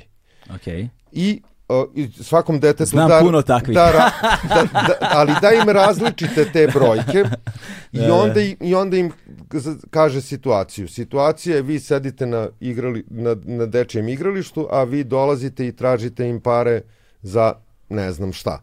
I onda ajde da vidimo šta će da se desi. Ali da pratiš to što ti je rekao te, da, da, te da. mere unutrašnje, odnosno to što je kao crta karakter. Naprimer tako. I onda ti gledaš da li, i onda ja ne znam, na primjer, koji su ti brojevi, nego ja treba da zaključim i da pogodim iz njihove glume Aha. koji su to brojevi. Aha, aha. Na primjer, to je jedna od igara, ali... A ja ne znam ni kako bih ja to odigrao. Znaš, meni to zvuči kao suviše komplikovan koncept e, u ovim ni, godinama. Dobro, nije to bila sad prva igra. Krenuli smo od onih najjednostavnijih, kao hodaj brzo, a, spor, a, a sporo govori. Kao što je, ne, što je teško i za o, velike glumce da radi. I krećemo tako, da li može da stane na određeno mesto reper gde će biti oštrina kamere, mm. a da ne gleda u to mesto i u tako šarfu. dalje i tako dalje. Da, znači krenu neke igrice jednostavnije, a onda smo na kraju smo došli do ovih, da kažem, ps, psičkih. Da, psihički, ali to, znaš, evo, baš sad razmišljam, zamisli, mislim, ja znam puno takvih ljudi, naravno živimo u društvu koje je ono plemenski organizovano, negativne selekcije i ostale stvari i onda zaista ljudi sa sposobnošću četiri i ambicijom deset se nalaze, znaš, na brojnim odgovornim pozicijama u društvu i tekako. Nažalost, ovaj, ali kada bi to trebalo da odglumim, ja nemam pojma kako bih to radio. Zaista nemam predstavu kako bih to radio. Kako bih sad ja pokazivao ambiciju 10 i sposobnost 4. Ja sam probao par puta, ali se dokazalo da sam grozan glumac i više neću pokušavati. Ma, to- Divim se glumcima stvarno na, to, na toj na tom talentu, sposobnosti, na tom talentu. na da. tom talentu. Meni je to fascinantno, zaista na tom nivou, kako neko uspe to da podražava, da nekako done, donese u život, znaš, s, druge, s jedne strane, a s druge strane to je tim pre fascinantnije kad to dete uspeva da uradi. Znaš, i kako sada dete, to je uvek, znaš, ko, ko- koliko Klara mala ima godina? Pa tada je imala 12. Tad je imala 12. 12 godina. Sad ti treba da se transformišeš u nešto u tokom tog perioda i onda ideš kući i da to ne nosiš kući sa sobom. Znaš kako to izgleda sad u, de, u, u, u, u glavi jednog deteta. Znaš. Dobro, ti uvek malo prilagođavaš materiju glumcima, kao što taktiku u futbolu prilagođavaš fut, ono, igračima koje imaš. To već ne znam. Da. Pa dobro, ali to su najbolji treneri. Ja mislim da je Raša i to negde primenio u, u radu sa Klarom. Ovaj, Zato su ti, ti, te, ti kasnici toliko dugo trajali, mi smo izmaltretirali, a i kao što smo izmaltretirali decu, nego smo izmaltretirali glumice tipa Seke Sablić, da dolazi na probno snimanje. Pa ne, raznih, Rade Živković. Neki od tih glumica su mi rekli, ja Rašo, ovo mi je prvo probno snimanje u životu, nikad me niko nije zvao na casting, jer one su već bile ostvarene glumice i ti castingzi se ranije nisu toliko radili. A ja sam morao da vidim Klaru i još jednu devojčicu koja je bila takođe u konkurenciji za glavnu ulogu Nađu Mazalicu sa različitim glumicama odraslim koji će igrati njihovu baku da bi video gde će da se desi taj neki dobar spoj kao. Da, da, da, da, da. I sve te glumice su, nijedna nije odbila da dođe na, na, na ovaj casting. Nama je mnogo veći problem to kao da li je komplikovano raditi ta probna snimanja. Ne. Teže je kad treba da kažeš nekome da nije prošao. I to je malo, a ja obično uzimam ovaj, kako da ulogu. kažem, tu ulogu, da, dajem drugima da jave srećne vesti, a ja uzimam ovu tužnu vest, jer mislim da je to kad je neko se potrudio, poput Seke Sablić, da dođe na probno snimanje sa dve devojčice i da je tamo maltretiramo 40 minuta ili sat jedan, onda je red da joj se ja javim, da joj kažem Seko, ipak Da. će igrati neko drugi. Da, to sigurno nije jednostavno. nije. I, a još je teže to sa decom. Mm. I mi smo ove dve devojčice koje su dugo bile u konkurenciji za glavnu ulogu, svaka proba i svako igranje je počinjalo, počinjalo rečenicom u ovom filmu će igrati samo jedna od vas. Da one sve vreme Moraju da budu svesni budu da znaju spremne to, da će im se desiti taj, i da taj lom kad se desi da ne bude prevelik nego i gledali smo da svakoj devojčici koje su bil, koje, u tih 20 koje su bile na, na, na kursu da im, da im damo neku ulogu Da. u filmu. Nekad kao statista, jedna devojčica Drena, ona je čitala scenariju i davala nam savete iz dečijeg ugla šta treba da uradimo. Ej, i kakve ste savjete dobili tu? Vrlo dobre, da. Drena je divna.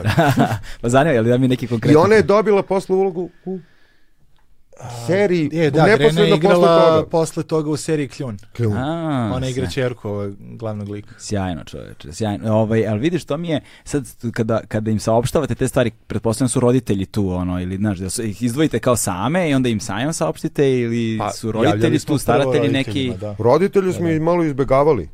Pa ne, zato što Nije, ja- roditelji mo- mora da bude jed... I- da. Što se filma tiče, moram ja da budem autoritet. Ja sam Da. tamo i ovim nekim roditeljima koji su u našem poslu javljao se i rekao, ne molim te da vežbate nešto sami, jer molim te nemoj, ja znam da ti imaš želju da što bolje bude, ali nemoj zato što ćeš nešto nas da, Da, da, da. mi imamo plan kako ćemo da uradimo, a ti sad ako nam se umešaš u taj plan, treba će nam vreme da ispravimo to što ti radiš. Wow, da, vidiš, koliko je to sad, to je sad na mnogo nivoa uh, fascinantno zapravo taj rad sa decom u suštini. Znaš, on, on u procesu, tom filmskom procesu iziskuje ono, ne znam koliko, dosta dodatnog napora i dosta dodatnih inputa i dosta dodatnih izmena da bi ta stvar zapravo funkcionisala. Nama su kolege, producenti koji imaju više iskustva u radu sa, sa, sa decom glumcima i sa filmovima za decu, uh, savjetovali jednu stvar koju mi nismo mogli da znamo jer nismo ranije radili takve filmove, a to je da kada birate decu glumce, birate i roditelje. Znači, vi, vi ćete u stvari sarađivati i sa decom i sa roditeljima. Možete da berete fantastičnog glumca klinca, to- ali to- ako su roditelji problematični, to neće izaći na dobro sigurno. I mi smo onda stvarno to uzeli u obzir kada smo birali naše glumce i imali smo sreću i sa glumcima i sa njihovim roditeljima. To je kao sa brakom, kad biraš supruga ili suprugu, znaš. To ono, kao biraj, bi- biraj ženu, gledaj majku, da, kako da, beše bi to? bilo neki, Da. neki, neki kretenski reality. Da, ja da, mislim da su i rodi kao deca što su postali prijatelji sigurno do kraja života, tako mislim da su i, I roditelji, roditelji, da. postali ono. Da. Mislim ne znam da li sad smem da ispričam onoj žur žur Slobodno, pričaj sve šta. Znači, jedini incident koji se desio na ovom snimanju su izazvale majke.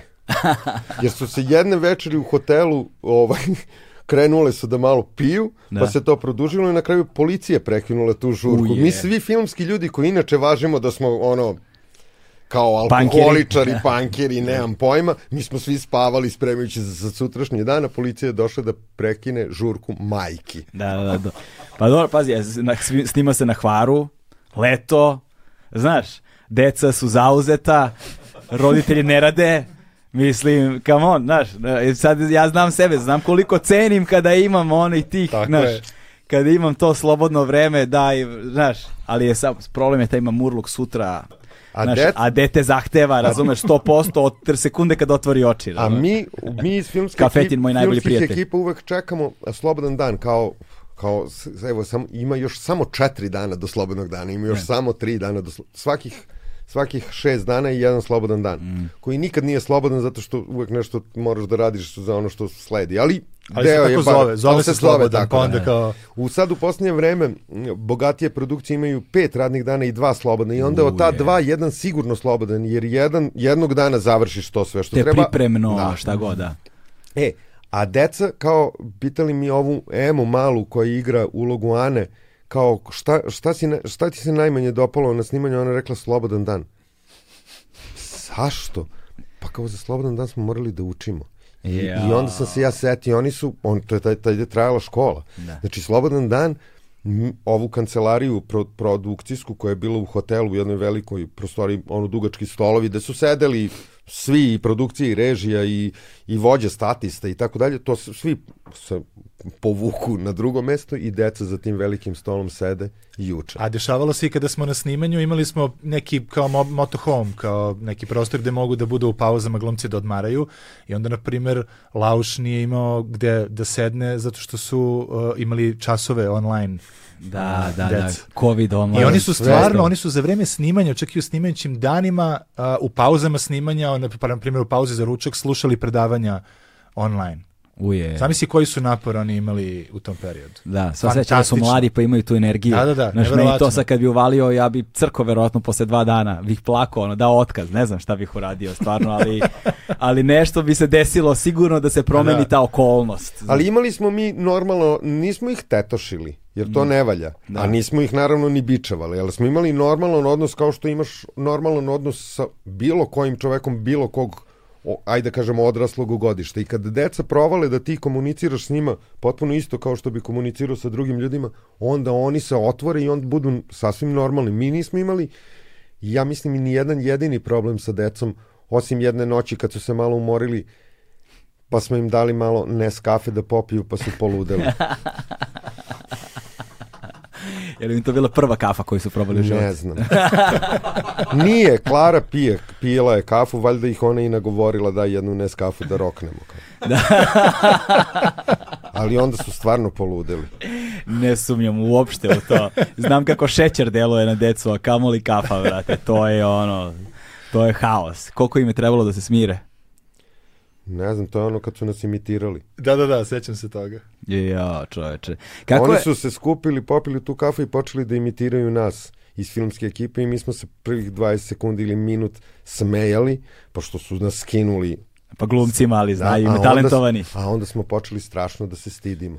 Jer ti vidiš kakva smo mi banda ono kretena koji su usmereni samo na to snimanje i ništa ne vide okolo i samo jure da snime taj kadar i još jedan i još jedan i deca su to pokupila i sve smo imali nas je bilo užasno sramota, to je trajalo jedno 20 minuta, bila je neka pauza dok se nameštalo svetlo, oni su nas 20 minuta imitirali.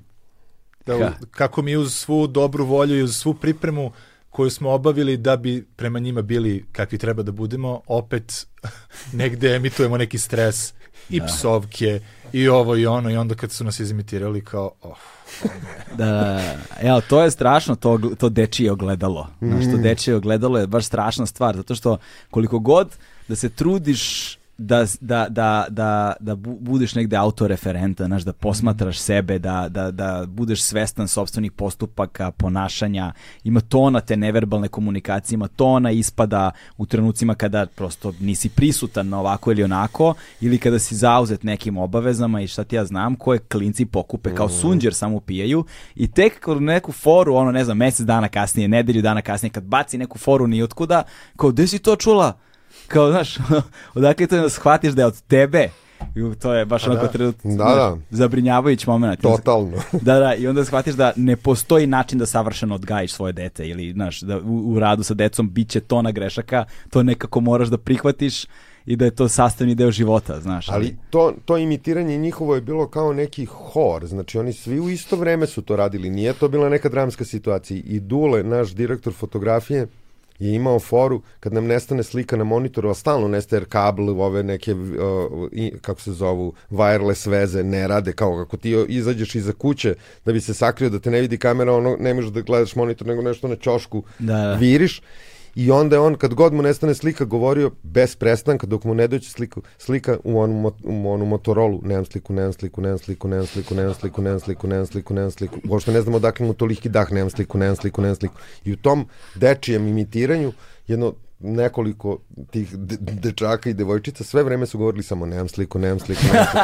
Znači oni su napravili jednu operu. To je Da, da. bilo stvarno di genijalno, divno i, i pogub, mislim ono, da. pogubno za, za nas kao o majko Kao crescendo neki, znaš, svi motivi odjekuju istovremeno, čoveče, a ovi u pozadini kao nemam sliku, nemam sliku, nemam sliku, dosta dobra fora. O, divno, divno. Spontano se to desilo. Oni su, to je bilo stvarno fenomenalno dan. Ono što mi se dopalo takođe jeste način na koji je korišćena ono kako kažu kompjuterski generisana slika, ono CGI jel te, ovaj ovaj u filmu i to je nešto što je uvek um, onako delikatna stvar, znaš, u kontekstu kako upotrebiti, da li uopšte upotrebiti, koliko toga staviti, naći pravu meru da ona bude kao jedan začin koji dodaje element ono celokupnoj slici, ali da ne preuzima ništa i da se nekako prirodno uklopi u to. Znaš, kako ste rešavali ta mesta? Pa i toga u scenariju bilo mnogo više u, u različitim fazama, ali se onda nekako čistilo, što zbog uh, toga što smo shvatili da, da možda nije neophodno, a delimično i zbog toga što je to izuzetno skupo da se izvede kvalitetno i onda uh, stalno dolazimo u taj sukob uh, uh, ambicija i mogućnosti. To je ono i, da je sirotinja dobra stvar, less is more. Da, ali u stvari film je konstantno od početka do kraja neko bavljanje prioritetima i ti stalno moraš da, Da, paziš trijaža. šta su prioriteti, da Tačno. se ta, to malo novca koje imamo, odnosno to puno novca za još više potreba, potroši na neki najbolji mogući način. I onda a, a, ti vizualni efekti mogu da budu dramaturški krucijalni, kao što je, ne znam, u ovom filmu, na primjer, letenje ili, ajde sad da ne otkrivam previše, ali a, mogu da budu i ukras. I onda su naravno ti ukrasi uglavnom otpadali dok nismo došli do onoga što je neophodno za film i još nekoliko ukrasa koje smo mogli da, da, Da, da da. priuštimo. Da, najnesrećnija stvar u ovom, u ovom našem razgovoru što zapravo mi sve vreme ne smemo da otkrivamo, znaš, ne smemo da spojlujemo ljudima ništa da bi A možda je mogli- to dobro. Ma znam, ali već toliko se ovo, već se toliko priča, svi, svi, svi su već, ja kapiram, saznali, ali ajde. Pa ne Meni je bilo glupo kad je a, ovaj, Olga Odanović, posle premijere smo bili negde, ona je odmah rekla šta je. Ja joj kažem, Olga, ko da si rekla ko je ubica, šta, kakav je to način.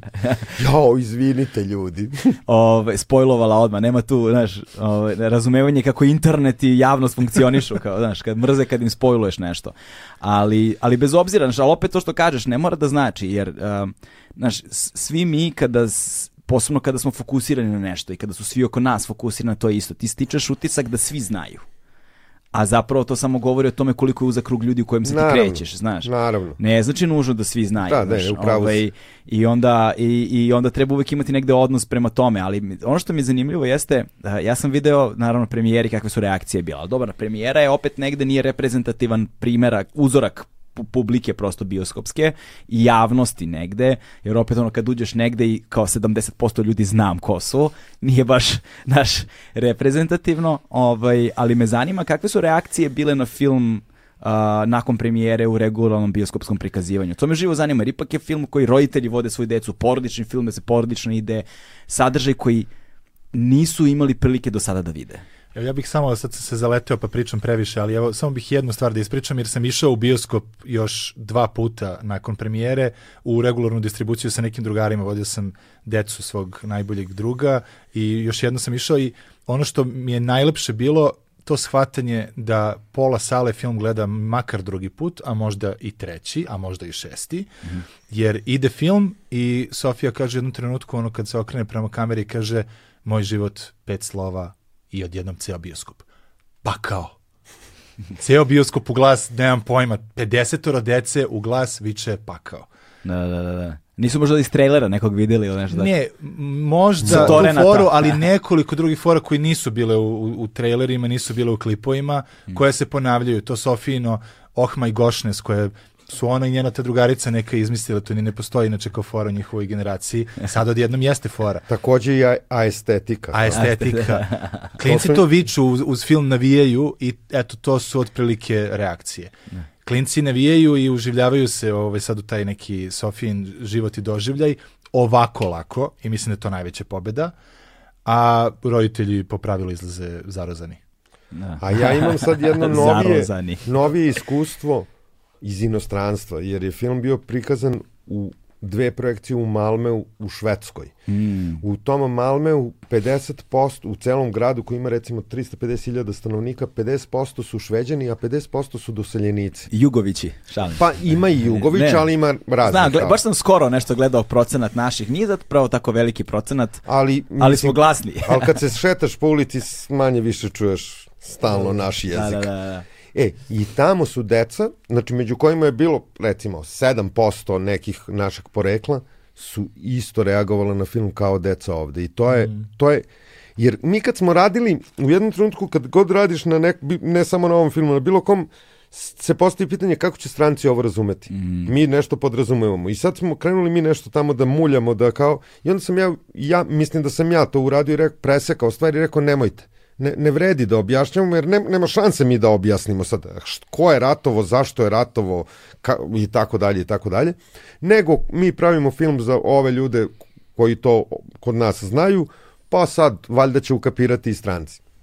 A sad strana deca to je sad... verovatno neće. Međutim, to u Malmeu je bilo kao stvarno fantastično iskustvo za mene. Nisam gledao ceo film, nego ono na početku i na kraju, ali je to prvo što, što deca kao i ovde čim krene muzika, još nije se pojavio prvi živi kadar filma, nego su još uvek oni telopi, pomogao nam je Juri Maž i ne znam, Ministarstvo za kulturu, kreće muzika Vasilova i klinci kreću da tapšu u ono, u tempu muzike. Kao, čekaj bre, to je bilo i na premijeri. Kao. I ja sam govorio, ma ne, to je premijera, premijerna publika, to smo mi zvali te ljude, ne, nije, ne, ne treba prema tome da se zaključuje o filmu. Međutim, izgleda da je to ta muzika i uopšte cela ta atmosfera radi. I oni su isto reagovali, pošto je Švedska nekako ipak liberalnija zemlja od naše, mm tamo su deca još burnije reagovala. Tako da na kraju filma je ono, su svi ustali sa stolice, neki su se popeli na sedište, udara malo u stalak za mikrofon, izvinite. Nema veze. Sad. Ovaj, samo rok. Uh, bacali su jakne, znači ko na rok koncertu iz 70-ih, ono, 60-ih, ono, jakne, aaa! bilo je totalni rok koncert i na kraju u, na jednoj od te dve projekcije su mi mnogo klinaca prišli da im se potpišem hemijskom na ruku. Znači, totalno rock zvezda kao. Da, da, da, da. Znači film deluje i na drugči, drugu kulturu, jer Švedska je definitivno druga kultura od ove naše mediteransko-dinaroidske.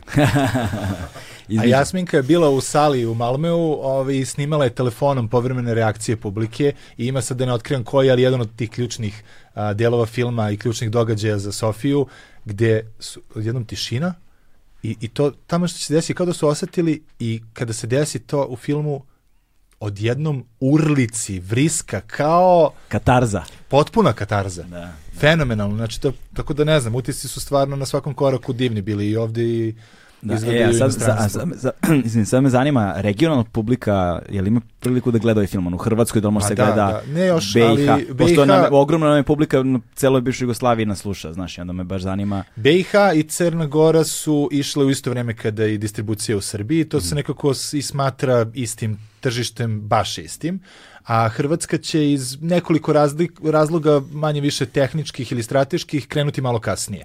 I u Hrvatskoj će e, distribucija krenuti na leto Mhm. i oslanjamo se na letnja kina, pa čak i na ostrvima i tako dalje. I to Na smo Hvaru će sigurno biti hit. Biće sigurno. Pa ne, ali verujem na svim ostrovima i nekako baš je letnji film. Nismo se razmišljali da li da ga u Srbiji pustimo isto možda, možda leti, ali smo onda shvatili u stvari da je za nas možda bolje i zanimljivije da krene u toku zime i to na kraju zime, kada su ljudi najželjniji mora i tih Da, slika. da, da. Tako da je tako krenulo. Ali smo Ili preko pričali... leta sa Vulinom u Sopotu da bude premijera. Nije, pričali smo sa nešto sa distributerima da možda napravimo i neku foru na leto sa nekim letnjim kinima i da ga ponovo pustimo, jer će to biti neka... Mhm. Sigurno, da. Eto, ali tako ćemo vjerojatno i to uraditi.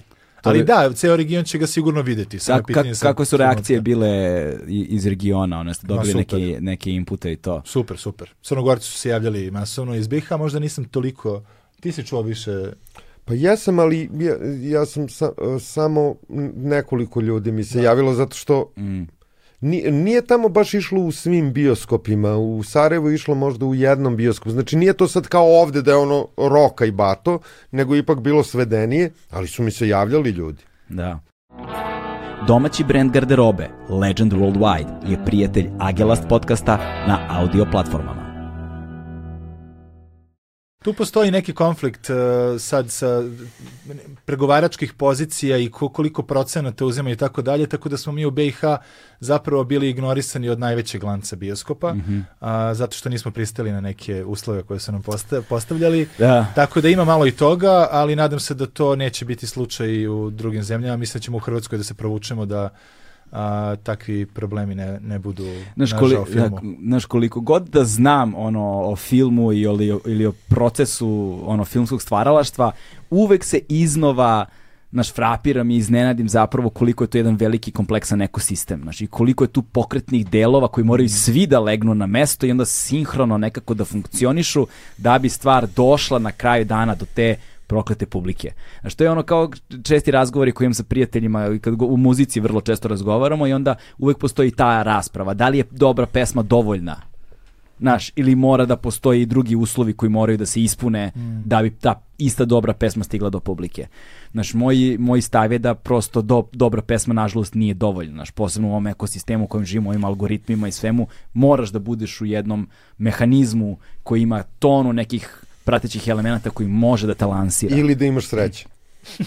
Da, ali ko će da se oslanja na sreću? Niko. Znaš, pa to, znaš, ta sreća je baš Naročito ono... nekad su tako velika ulaganja kao i u muzici, kao i u filmu. Znaš, a uvek postoje i ti neplanirani faktori koji mogu negde da te ono, znaš, nešto mogu ti urade, A znaš. možeš sve da uradiš to što si rekao i da opet ne Pa uspe. to, Da. na, znaš, i to je uvek kocka negde, znaš, a kada sad na sebi dodaš dodatno otežavajuće okolnosti, to je pravimo dečiji film, traje šest godina, treba, znaš, sve ovo da se desi.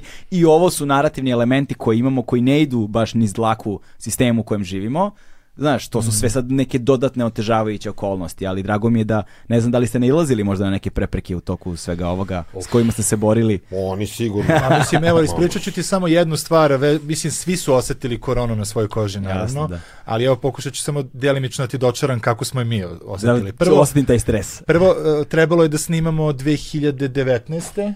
Prvi put, to je bila ideja i, ne, pardon, izvinjam se, e, trebalo je da snimamo 20. 20, ali i jesmo snimali 2020. A jesmo onda 19. Ne znam. Ne znam, nije ni bitno, ali uglavnom malo nas je to pomerilo, početak snimanja je pomeren. Možda je trebalo proleće 2020. A da, ali smo moguće. pomerili na jesen, na september. I to nam je dalo vremena da još malo sredimo scenariju i to je bila dobra stvar. Ali, a, granice su bile zatvorene. Nije moglo da se cirkuliše ni Srbija, Hrvatska, kamoli u našem slučaju. Mi smo imali znači, ekipu iz Srbije, Bugarske i Slovačke koja treba da snima na Hvaru. A, zatim ulazili smo u taj rizik, ta, tad su pravila bila ako se jedna osoba u ekipi razboli, prekida se snimanje na dve nedelje.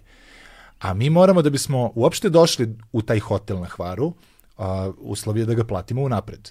Sad, a, evo, lupiću cifru, nije ona bitna, ali recimo 100.000 evra je bio samo hotel, na primjer. Da. I mi sad plaćamo hotel napred i treba da odvedemo 60 ljudi na hvar. To su dnevnice, aviokarte, PCR prevoz, testovi. PCR testovi i tako dalje. Sve to sa svešću da ako se jedna osoba razboli, Da. sve puca. I idemo kući. Da, da, I nema tih neplaniranih troškova, tog kontingencija, osiguranja koje to može da pokrije. Mi u tom trenutku da smo pukli, pukli bi i zatvorili bi firmu ovako, išli da radimo nešto drugo. Ili neko neće da se vakciniše. Ili dobro, ali još nije bilo nije, vakcina. to nije bilo Nije, vakcina da. još uvek. A, I to je, na primjer, mi smo sedeli ovako danima u kancelariji šta da radimo i Raša, je, kao i drugi neki saradnici, imali su puno razumevanja i rekli ljudi ovo je ogroman rizik, kako god odlučite, ali mi smo onda rekli, ok, mi, šta je naš posao? Naš posao je da produciramo filmove, ako je naš posao to, onda idemo da produciramo ovaj film. I ušli smo u taj rizik. Ali to je jedan od da. da ne pričamo o zdravlju ljudi i koliko je sve to bilo rizično i po, znači mi smo vodili ljude u ne, neko ostrvo gde nema baš idealnih uslova za lečenje, znaš, i u filmu šta se dešava, zašto helikopter mora da ide. Znači, sve su to ogromni rizici i, i ne znam, mislim, bilo ih i milijardu, ali nekako dobra energija ove, ove knjige koja se prenela na film nas je nekako nosila, pa mislim da mogu kažem smo imali malo sreće. Ali dobro, znaš, tu malo pomaže ono sad, ja kao, evo mene drvini advokat, znaš, javljam se, ali kao, znaš, na, na otoku ste, sunce je, na polju ste, znaš, to su Na, sve... kraju, na kraju sezone, gde je bilo mnogo ljudi iz svih krajeva sveta. A, a, a, a bilo, ali, ali, ali kad je set, o, ti ljudi ne mogu da priđu, zatvori se, znaš, niste baš... A da, ali ima da. statista. Statista, jeste, koji Ima, ono... lo, ima lo, lokalnih ljudi koji su, koji su bili s nama u ekipi, koji su radili neke poslove Da, da. Druge. Statisti posle odu negde, pa Mi se smo ponapijaju, stvarno pa se morali da teramo ekipu da na 40 stepeni na polju i na plaži nosi maske. Da. Branili smo ljudima da se rukuju, da se grle. To je taj prvi period kad je sve bilo kao Da, zabranjeno. da, da. Ja sam ne- Peremo voće i povrće sa pijace, brišemo da. kvake. Se Snežana Sinovčić koja je glumica divna iz Splita koja igra Luce u filmu Aha. i dan danas zeza i davala nek, nedavno i neki intervju gde je to pominjala kako sam išao i branio ljudima da se grle. I onda kako ona, kako, kako dođe na set, ona uzme i zagrli me, ja sam kao, ja, Snežo, molim te. ono. Daješ loš primer drugima. Pa da, ali mislim grlio bih se i ja, naravno. Svi Ja. smo emotivna, emotivna bića, To, treba to, nam to, to. nežnosti, ali takav je trenutak bio i to je u stvari, da, jedan od, od tih, jedna od tih otežavajućih okolnosti. E, sada da se prebacimo malo na, ovaj, e, na, na druge teme. Um, uh, munje, uh, kengur, na, ovaj, um, šta se dešava? Uh, kako misliš? pa, ovaj, A, nastavak. da, da, da. Kengur, ne znam. Mhm. A Munje je napisan na nekoliko ruku scenarija, Mhm. ali još i dalje radimo na tom scenariju. Neka ideja da se snima na jesen, ali koliko je to ostvarivo, Da, da. ni mi još ne znamo, jer još nije napisan scenariju, nije pre napravljen precizan plan snimanja, tek prema planu snimanja Mhm. može da se napravi budžet, kad se napravi budžet, onda kao to košta toliko, a mi imamo ovoliko i onda tek znaš da li to može, ne može, da li je to preveliki rizik da se ulazi sa nedovoljno para, da li je taj nedostatak 20% ili 4% i tako dalje i tako dalje. Tako da je sve Da, klimavo. da, da, da. Mislim, u ovom, u ovom poslu je uvek sve klimavo. Nekad se desi, neki filmovi su otkazani prvog dana snimanja. Znači, Da. Se dešavalo to, mislim, ja ne, ono, Dešavalo se, da. Da, Možda ne filmovi, ali televizijske Da, da. stvari su se od, bez da. problema su se od, otkazivala ono prvog dana snimanja. Da, da. Ove, meni je fascinantno, znaš, meni su fascinantne, mislim, fascinante su i munje i, i kengur, ono, na, na, na, na milion nivoa. Ovaj, meni kengur zato što sam s Voždovca. Znaš, to je ono, ja sam baš iz Vojvode stepe, ono, znaš, to baš sam kao tu. Ovaj, I onda znam sve, sve lokacije, znaš, mi smo se posle zajebavali, pa naš blejmo na lokacijama gde se snimalo. Razumeš, mi Pa smo da, da. tam, znaš, gde je kladionica, tu je nekada bio SPO klub, Jest. to je bio SPO klub, tu smo slavili nove godine, znaš, to je ono... Žuti soliter, na Pa da. krovu žutog solitera. Mi- A na krovima se generalno blejalo. Da, Mi smo da. dole iz Dušanovca, tamo taj Kraljevačka, taj deo par- parka gde je ono preko leta, mislim čim je čim grana lepo vreme, to u zgradu otvoreni su merdevine ovako ne vertikalne, otvoreni oni prozori od onog kaljenog stakla, ako štali su veći, izlaziš napolje, onaj šljunak katran, pa onaj šljunak preko, pa tu se zableji. Ali nije bilo planirano da bude voždovac, ali tako? Ne, Trebalo je blokovi taj, da bude. taj film se zov, zvao, kad, kad smo krenuli da radimo na njemu, Novi Beograd. Da, da. I trebalo je da se desi na Novom Beogradu. I, a producent je Milko Josifov koji je sa Voždovca. Ja sam tamo išao u 12. gimnaziju, tako da mi je Voždovac prilično blizak. Dve godine sam išao tamo iz bloka 45, znači nije to mali put Kako da si završio u 12. gimnaziji, majke? Zato što je tamo bio taj smer organizator kulturno-umetničkih delatnosti u moje vreme su se smerovi Uj, evo te. Da. wow. Da, je, imao sam tamo istoriju filma, istoriju pozorišta, proučavanje književnog dela i kao Čekaj, bilo mi to je bilo kao samo u super. 12. gimnaziji. Samo, ja mislim da je taj smer bio samo u 12. Uj, evo, nisam imao pojma o tome, ne znam ništa o tome. Da, i to je, i stvarno je bilo, dobro, dobra je bila škola i taj moj razred je bio fenomenalan. Mi smo ono, sve vreme radili neke pozorišne predstave, neke gluposti, samo da ne, ne idemo mnogo u školu i bilo je odlično. I, i išli smo tamo i u bioskop Voždovac, tako da ja znam taj kraj. Da, da. I naravno kad brišeš iz škole pa ne ideš baš po glavnoj ulici da ako slučajno mm. profesor Čeda iz filozofije se tu nešto ne muva. Da, da, da. Jedino u nekoj kafani preko puta kao za za veliki odmor kao, kao možda ovo sad nije baš zgodno da kažem, ali je bilo nekih ljudi koji odu da popiju neku rakijicu i tu je bilo i učenika i profesora, e, u kafani se ne prepoznajemo. Da, znači, da, profesori da, da. se prave da nas ne vide, mi se pravimo da ne vidimo profesora i kao tu je bio pakt. E, u svakom slučaju Milko je jednog dana rekao, našao sam vam sve objekte, A. i krovi, tu kladionicu, gde će biti taj SPO klub se upravo pretvara u recimo frizerski salon. Da. I on je to rekao, daj da mi snimimo film pa onda vi pretvorite, mi ćemo da vam finansi... Ne sjećam se tačno šta je bilo. I on je to sve našao. I onda, kao zovemo ga, mi ćemo Momčilović i ja kažemo, pa čekaj bre, film se zove Novi Beograd. On kaže, ma nema problema ljudi, nađite vi za džabe objekte na Novom Beogradu, sve to što treba i snimat ćemo na Novom Beogradu, jer ovo sve sam ja našao za džabe. I onda mi što snimali smo na Voždovcu.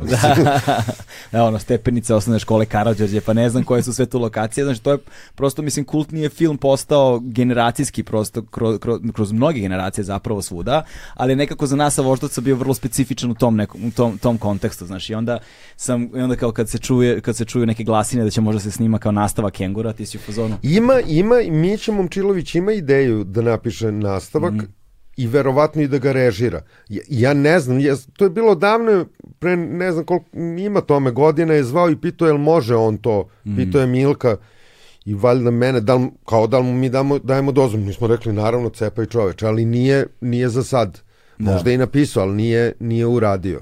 Da, da, da. A ove, s druge strane, naš munje su opet jedan vrlo specifičan duh vremena, jedan vrlo specifičan ono istorijski trenutak, jedan vrlo specifičan, ka, znaš, veoma je teško ono što je moj problem sa nastavcima u tom kontekstu, na, nastavci koji su pogodili taj duh vremena, znaš, koji su se desili u jednom trenutku, na jednom mestu, sa jednom ekipom ljudi, u, u jednoj vrlo specifičnoj atmosferi društvenoj, ovaj, kada treba da se desi nastavak, uvek je strah kao da li želimo ono, da li želimo sequel, znaš, da li želimo sequel ili prequel, ono, da li, da li će to moći da bude, jer, znaš, nekako mi deluje kao da ni to planski nije moglo se zna da to bude takav film. Mm, Pa neki, ja nisam znao. Znaš, da, da će taj efekat da se desi, znaš. Ja nisam znao, ja sam mislio da je to film koji će da gleda jedno 17.000 ljudi i to da pevamo i da se udaramo nogama u dupeta ako gleda 17.000 ljudi, jer ja sam kapirao to je neki mali underground film. Da.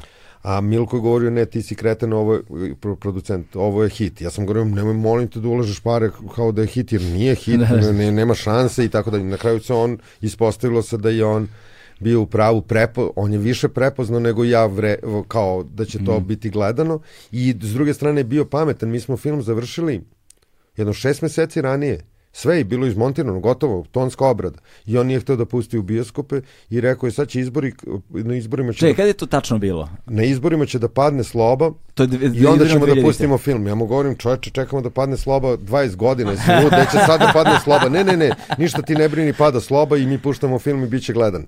I to se i desi, ali to je kad ima čovjek Da. drugu vrstu Da, mozga. tek 2001. u bioskopima. Ja se sećam da smo On je bio pobegli po- sa časova i bio sam s drugarima iz srednje, kupili smo flašu žrepčeve krvi i pili u bioskopu. Eto, to ti nikad nisam rekao. vidiš. Da, da, čovjek, znaš, ali to je, ali pazi, e, tu se govori opet u prilog onome što, čemu smo, što smo pričali malo pre. Stvaralac, umetnik ne može da vidi svoje delo na taj način. Znaš, ti prosto ideš nekom linijom gde je neki tvoj Pa sad... ni ne treba. Ne treba, ne to je treba. Ne pogrešno. Ja mislim da. ako si ti opterećen time, da li će to proći na festivalu ovom, da li će gledati ova publika, ona publika, ti samo možeš da, da, da, da napraviš mnogo više grešaka. Nego ti cepaš ono što je tvoj posao i cepaš da to uradiš što bolje možeš. E sad, šta će biti nije, realno nije samo do tebe. Ti, do tebe da ti uradiš da sve što imaš u sebi da izbaciš i da sve probleme koje možeš da naslutiš da ih predstaviš svojim saradnicima da probate da ih unapred rešite. Znači to je tvoj posao, a ne kako će to uspeti. Jer ako misliš i distributeri treba da pokušavaju da predvide stvari i da, kol, i da delimično utiču da se Da. stvari oblikuju i malo, malo i prema tome. Ali ne treba to da rade. Kako ta jer ja, jer ja mislim, moja bar filozofija je da ja film snimam za sebe. Da. Jer to je jedino iskreno. Ja ga snimam da meni bude dobar i da ja uživam u njemu. A sad valjda će još neki ljudi biti Da. na, na istoj strani kao i ja. Ali kako nalaziš tu balans? Znaš, to je meni uvek bilo fascinantno. Kod tako, na- kako nalaziš tu balans? Kako nalaziš balans kao ovo ja razumem, ali je hermetično, neko drugi neće, kao ili kao, znaš, kako prepoznaješ elemente kao kada, kada, kada nisi otkrio previše, kada nisi plastično objasnio, kada je, znaš, ta neka jasna linija, uh, zato što vrlo često mi kada se bavimo nečime, nama se gomila znanja, gomila sadržaja podrazumeva, kao neko podrazumevano znanje, neko podrazumevano razumevanje, a, ta podra, a to podrazumevanje je majka greške, ono, znaš, majka problema. A tu su test čitači i test publika. I, i verzije scenarija. Da, verzije scenarija i verzije montaže koje pokazujemo različitim ljudima, Jeste različitim shvatili, grupama. jeste shvatili, jeste je, shvatili. Shvatili, da. Tako je. Jer kao imaš tri, tri osnovne te neke kao pravila ono što mora da ima svaki scenarij, odnosno film u dramaturgiji, to je da bude jasno, da bude zanimljivo i da bude što kraće. I mislim, toga se držiš. Sad ima pored toga još jedno 16.000 pravila, ali kao ovo, ovo, ovo je najvažnije da, se Da. držiš, kao da bude jasno svima. Čekaj, vi zapravo imate, kako bi se to nazivalo, neki fokus grupe, test grupe, nešto. Pa da, mislim, to sad zvuči onako hollywoodski kao otkud to nama sad ovde, ali zapravo smo za ovaj film dovodili neke pri- prijatelje sa decom da gledaju film i onda smo gledali kako reaguju roditelji, kako reaguju deca i štelovali dok nismo došli do ovoga što je sad. u raznim. Koliko ste tih faza imali? Kako to, kako, baš, baš me zanima kako to izgleda. Koliko, u kojim trenucima vi sada zovete, organizujete projekciju negde, gde ste Pa organizovali? kako napreduje Ili zovete ih montaža? dođu u montažu, sedi i gledaš na ekranu, znaš. Pa ne znam da li neko gleda montaži, ali Nije niko gledao. Ali u kancelariji, malo pa malo u bioskopu, pa uglavnom kako napreduje proces montaže, ne znam, kada uradimo drugu verziju montaže, pozovemo dvoje ljudi da pogledaju. Pa onda kada odemo malo dalje, znači uradimo nešto što nam oni savjetovali, što nam se dopalo, pa odemo malo dalje, pa onda posle dve nedelje ili tri nedelje pozovemo drugo dvoje ljudi, koji su sveža publika, sveže oči, pa onda oni daju neke nove komentare.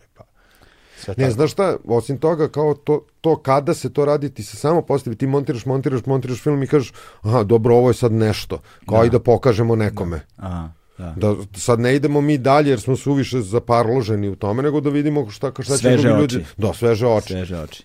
Da, e, sad, a ovaj... A kako znaš, a, u kom trenutku znaš da je film gotov? E, pa to je jako važno. Mislim, film ne, ne mora nikad da bude gotov. Kao može film jedno da Znam se mnoge montira... ljude koji nikad nije tako Da. stari od knjige, Pa, filma, muzike, da. nikad nije gotovo. To, te, to, te, to je, na primjer, nas naučio Goran Marković na FDU. On je rekao, morate da znate kada je, kada je film gotov i makar na silu. Kažete, e, sad je gotovo. Jer stvarno film može da se montira godinama. Kao daj malo ovo, daj malo ono, daj malo ovo, daj mrcni ovde, mrcni tamo. To je jedna stvar i druga stvar, odličan savjet Gorana Markovića, isto na akademiji, kad je to rekao, mi smo bili užasnuti. Kad dođeš u montažu sa materijalom, odmah baci scenu koju najviše voliš i onda ćeš sve lako ostalo bacati. Jer u montaži mora, mora da se mnogo baca, jer jedan scenarij je napisan, malo drugčiji film je snimljen, odnosno ti misliš da se nešto vidi kao reditelj i što je tebi jako važno jer je to neka podzemna poruka, ali to niko ne vidi osim tebe. Da. I onda moraš da imaš poverenje u montažera koji ti kaže debilu jedan, ovo niko ne vidi osim tebe, ovo moramo da bacimo, to ti usporava radnju. I ja sam od onih reditelja koji vole da bacaju i mene više montažeri Da. kukaju kao daj da vratimo ono možda si možda smo previše isekli. Autocenzura. E, ali to je važno, moraš da, moraš da, moraš da, moraš da bacaš sve ono što ne doprinosi priči i što ne, ne vodi ka tom cilju, finalu filma, bacaš. Da li to znači da ćemo vidimo Director's Cut verziju, ono, dva i po sata? Ne, ne, moje Dervetr's kart je verovatno 45 minuta. Napravimo muzički Na, spot. za ovaj jebote. prvi film, ja sam, nisam to stekao vremenom, nego nekako sam odmah to osetio. Za prvi film je Marko Glušac spokojni i ja montiramo, a onda, onda Cvele, asistent montaže, mi dođemo u, sutra ujutru ponovno montažu, ono vraćene scene. Cvele, šta si radio? Ne, mogu, ne možemo ono da izbacimo. Mi izbacujemo, danju ono noću vraća. I tako je trajalo do kraja. Kao. To, i, onda, i, onda, I onda proces traje duplo duže, jebi ga, znaš. Da, onda smo negde popustili, rekao, dobro Cvele, daj trgovina. Ako ti ostavimo ovu scenu, moramo ovu da bacimo. Aj, dobro. Kao. A tako i montažeri i reditelji nekad trguju. Ne, da. Trguju nekim, montažer se uhvati za nešto što je njemu posebno važno, što misli da je prioritet za film, onda reditelju pusti nešto što, što Da. možda njemu nije toliko važno. A, i, A to je ima, jedna... ima to i za produkciju, znaš, kao ti često pišeš u scenariju neke scene nepotrebne koje su iskupe, kao i mora krana, mora 400 statista i onda kad dođe do neke ti, trgovine ti se odmah odrekneš tih scena koji ti u stvari ni ne trebaju, A a, ne. dobiješ Aha. nešto. Znači, Ima, to se ima. namerno pišu da, bi onda posle mogao da ih izbacuješ. Ni, no, u ovom filmu nismo to radili jer kao smo stvarno... Ne, nije, nego smo stvarno bili non stop smo komunicirali. Stvarno Da, da, smo da. non stop komunicirali na, na svim nivoima od scenarija pa i, i do kraja ono tonske obrade. Mm. Producenti, baš smo, baš smo Osim u jednom Pričali. trenutku, u jednom trenutku smo... Ovaj, kao. Ne, u jednom trenutku smo e, isključili Rašu nehotice iz komunikacije s pomoćnikom režije i rekli pomoćniku režije kad smo shvatili pa nema dovoljno para, Jao, da. ajde izbaci dva dana snimanja, ne, mislim, sp- spakuju dva dana snimanja manje. I to je nekako samo ta informacija prošla mimo Raše i otišla je dalje i on je otišao da radi taj pomoćnik režije, taj novi plan i samo je stigao plan i Raša se izbezumio, izgoreo potpuno, kao pa šta radite? Kao pa sam vam rekao, ne može. I to je bio, je možda jedini trenutak gde smo Jebote. baš ono... Kako li izgledaju mail prepiske za jedan film, ono, to je... U, ja čuvam sve. Jer to, i, neću nikad čitati, ali bi bilo užasno zanimljivo. Jer to je stvarno lu- ludilo. Kao. Pa može možda neki ono nastavni na, nastavno Koliko ovaj, ljudi je u CC-u, pomagalo ono? da se Pa ima, uvek je to puno ljudi i uvek je to baš... Ono, Ja od toga poludim, to brate, znaš. Ima, ja mislim da nam je najduža prepiska bila za, za vizualne efekte u jednom trenutku Ajoj. i bilo je, sto, sećam se 128 ovaj, u, samo na jednu temu, kao taj jedan razgovor. je Recimo 128. pauk. Da, da, da. Pauk. Mali da, pauk. da otkrivaš. znaš. Kao 128 E, replyeva a je bilo. znaš šta sam hteo da ti kažem, ovo kako znaš? Kad je uh, gotov film. Ne, nego ovo što si me ranije pitao, da li je nešto suviše hermetično, A, da li je to, da. nešto... Pa znaš šta, između, ja sam mnogo čitao knjige kao, i onda Mm. kao ti provališ u stvari vremenom i mnogo sam gledao filmova, ne, ne više kao što sam nekad gledao. I učiš, najvažnije učenje iz, iz, iz gledajući filmove. Kada Da. se stvarno visi u toj kinoteci, gledaš sve. Mm, Ono, sva, sve tri projekcije su jedno kao i roka i kao. da. To su bile neke lekcije koje smo bili tipa na kursivima kreativnog pisanja. Za kreativno pisanje najvažnije je kreativno čitanje. Znaš, kao, to je, i to je i, i večiti problem recimo kada se susrećem sa ljudima koji ma- mladima pre svega koji bi kao nešto da pišu ovo ono, oni su u fazonu neću da čitam da kao ne bi uticali Da na ga ne mene. zagadi kao... Ne, me, znaš, kao ja, kao ja ću da imam autentičan glas, rekao budalo jedna. Znači, znači, ne da nećeš imati autentičan glas, nego ćeš probi... nećeš imati glas. Nećeš imati glas nikakav, nećeš, probijat ćeš ledove koji su probijeni 3000 puta pre 300 godina do sada, ti to nećeš znati jer nisi čitao, a i brate, ako ličiš na Franca Kafku, znaš, to je vrlo pohvalno, znači to znači da imaš taj prozni ili koji god glas u sebi i da si strahovito talentovana osoba, pa ćemo da vidimo za dalje, znaš. Ovaj, I to je, to, tu si potpuno pravu, tu nema, nema greške, ali ovaj, e sad, u, u kontekstu ovoga me takođe zanima, Uh, jedna stvar koja je, malo pre si ti pomenuo, jel te, mon, taj sukob montažera, jel te, reditelje, što ja znam, nešto što meni negde uvek bude žao. Znači, kad gledam ono dodele nagrada i kad gledam, ne znam, uh, kada gledam ono end credits i kada gledam ljude koji se poklanjaju ono na premijerama i tako dalje. Znači, skoro nikada se ne stavlja akcenat na montažere. Montažeri Ali- su nevidljivi ljudi potpuno. Osim, osim oni koji se bave montažom i koji su filmski radnici iz struke, tu dobijaju ono. Za Ali mene je to publika- pozicija koja za, zaslužuje najviše poštovanja. Koliko u- puta u- je od Govana Pitu pravio montaže? Pa ne samo to, nego montaža je jedina, jedino autohtono filmsko zanimanje. Da. Sva ostala zanimanja potiču iz nekih drugih umetnosti. Montaža je prva koja je isključivo bila za film. Da. To nije postojalo pre filma i zaista montaža jeste pravljenje filma. To da. su pokretne slike. I nažalost, po zakonskoj regulativi, nomenklaturi, montažeri nisu autori, nego saradnici autora. Da, da, da. Znači, autori filma su reditelj, scenarista, direktor fotografije Kompozitor. i kompozitor ako je film muzički ili musical. Da, da, da. Ostali su i scenograf i kostimograf i montažer su saradnici autora. A i ja producent. mnogo držim do, do montaže i užasno poštujem montažere i pamtim ono kao ne pamtim ko je neki film režirao, ali pamtim ko je montirao ili ko je direktor fotografije. A, Brate, dobar montažer je zlata. Jeste i, ni, ni, i, red, i redko se rađaju kao što se redko rađaju vrhunski glumci. Mm. Nema ih, ima lju- ljudi koji su majstori zanata, ali onaj koji je Da. Jer montažer je u stvari dramaturg u, u, sa slikama, ne sa rečima kao što je to uh, ovaj scenarista, nego sa slikama. On napravi na kraju priču, on može da spase glumca, on može od lošeg glumca, ako je dobar montažer, da napravi mnogo boljeg glumca. Od dosadnog glumca može da napravi zanimljivog glumca i tako dalje i tako dalje. Znaš, to mi je, ovaj, uh, fa, znaš, fascinantno mi je zapravo to kako montažeri zapravo nikada nisu, znaš, dobijali na značaju na taj način. I ono što mi sam takođe primetio poslednjih, recimo, 15 godina, je to baš ono desetak red, da kažem, ne baš 15 baš aktuelno, jeste kako je tehnologija postala pristupačna i dostupna i softveri i šta ti ja znam i, i, i kompjuteri su danas moćniji mnogo nego naš, mislim iz godinu godinu su to kvantni skokovi. Ovaj, to je ona razlika o čemu smo govorili kod mladih da imaju da imaju da imaju uh, da imaju da, da su spretni ali nekompetentni. Tako da uh, softverima za montažu ono znaš da li je Final Cut, da li je Adobe, znači klinci danas barataju kako hoćeš. Mislim kroz društvene mreže bre nauče, razumeš da da montiraju, da imaju taj osjećaj prema tom vizuelnom sadržaju na taj način, pa ne znam kroz filtere da se bave malo i slikom i ovim i onime, pa koga zanima uđe malo ozbiljnije u to i ti vidiš od muzičkih spotova koje montiraju klinci ovoga onoga sve se radi, ali tačno se vidi montažer koji je koji, koji ima osjećaj za dramaturgiju, za ono motivaciju, za rez, za ne znam, naš gomilo nekih stvari koje prosto neko ko je priučen ne, naš, na taj način nema. I ta razlika je frapantno velika, ali kao da niko ne daje dovoljno značaja svemu tome. Znaš, ti kada više gomila televizijskog sadržaja koji se montira, gomila nekog drugog serijskog sadržaja, gomila nekih muzičkih spotova i što ti ja znam, sve što izlazi u posljednje vreme, to toliko copy-paste ono, sad po tim nekim trendovima, Ovaj, matricama. ovaj film, izvini što te Da. prekidam, ovaj film je posvećen jednom montažeru.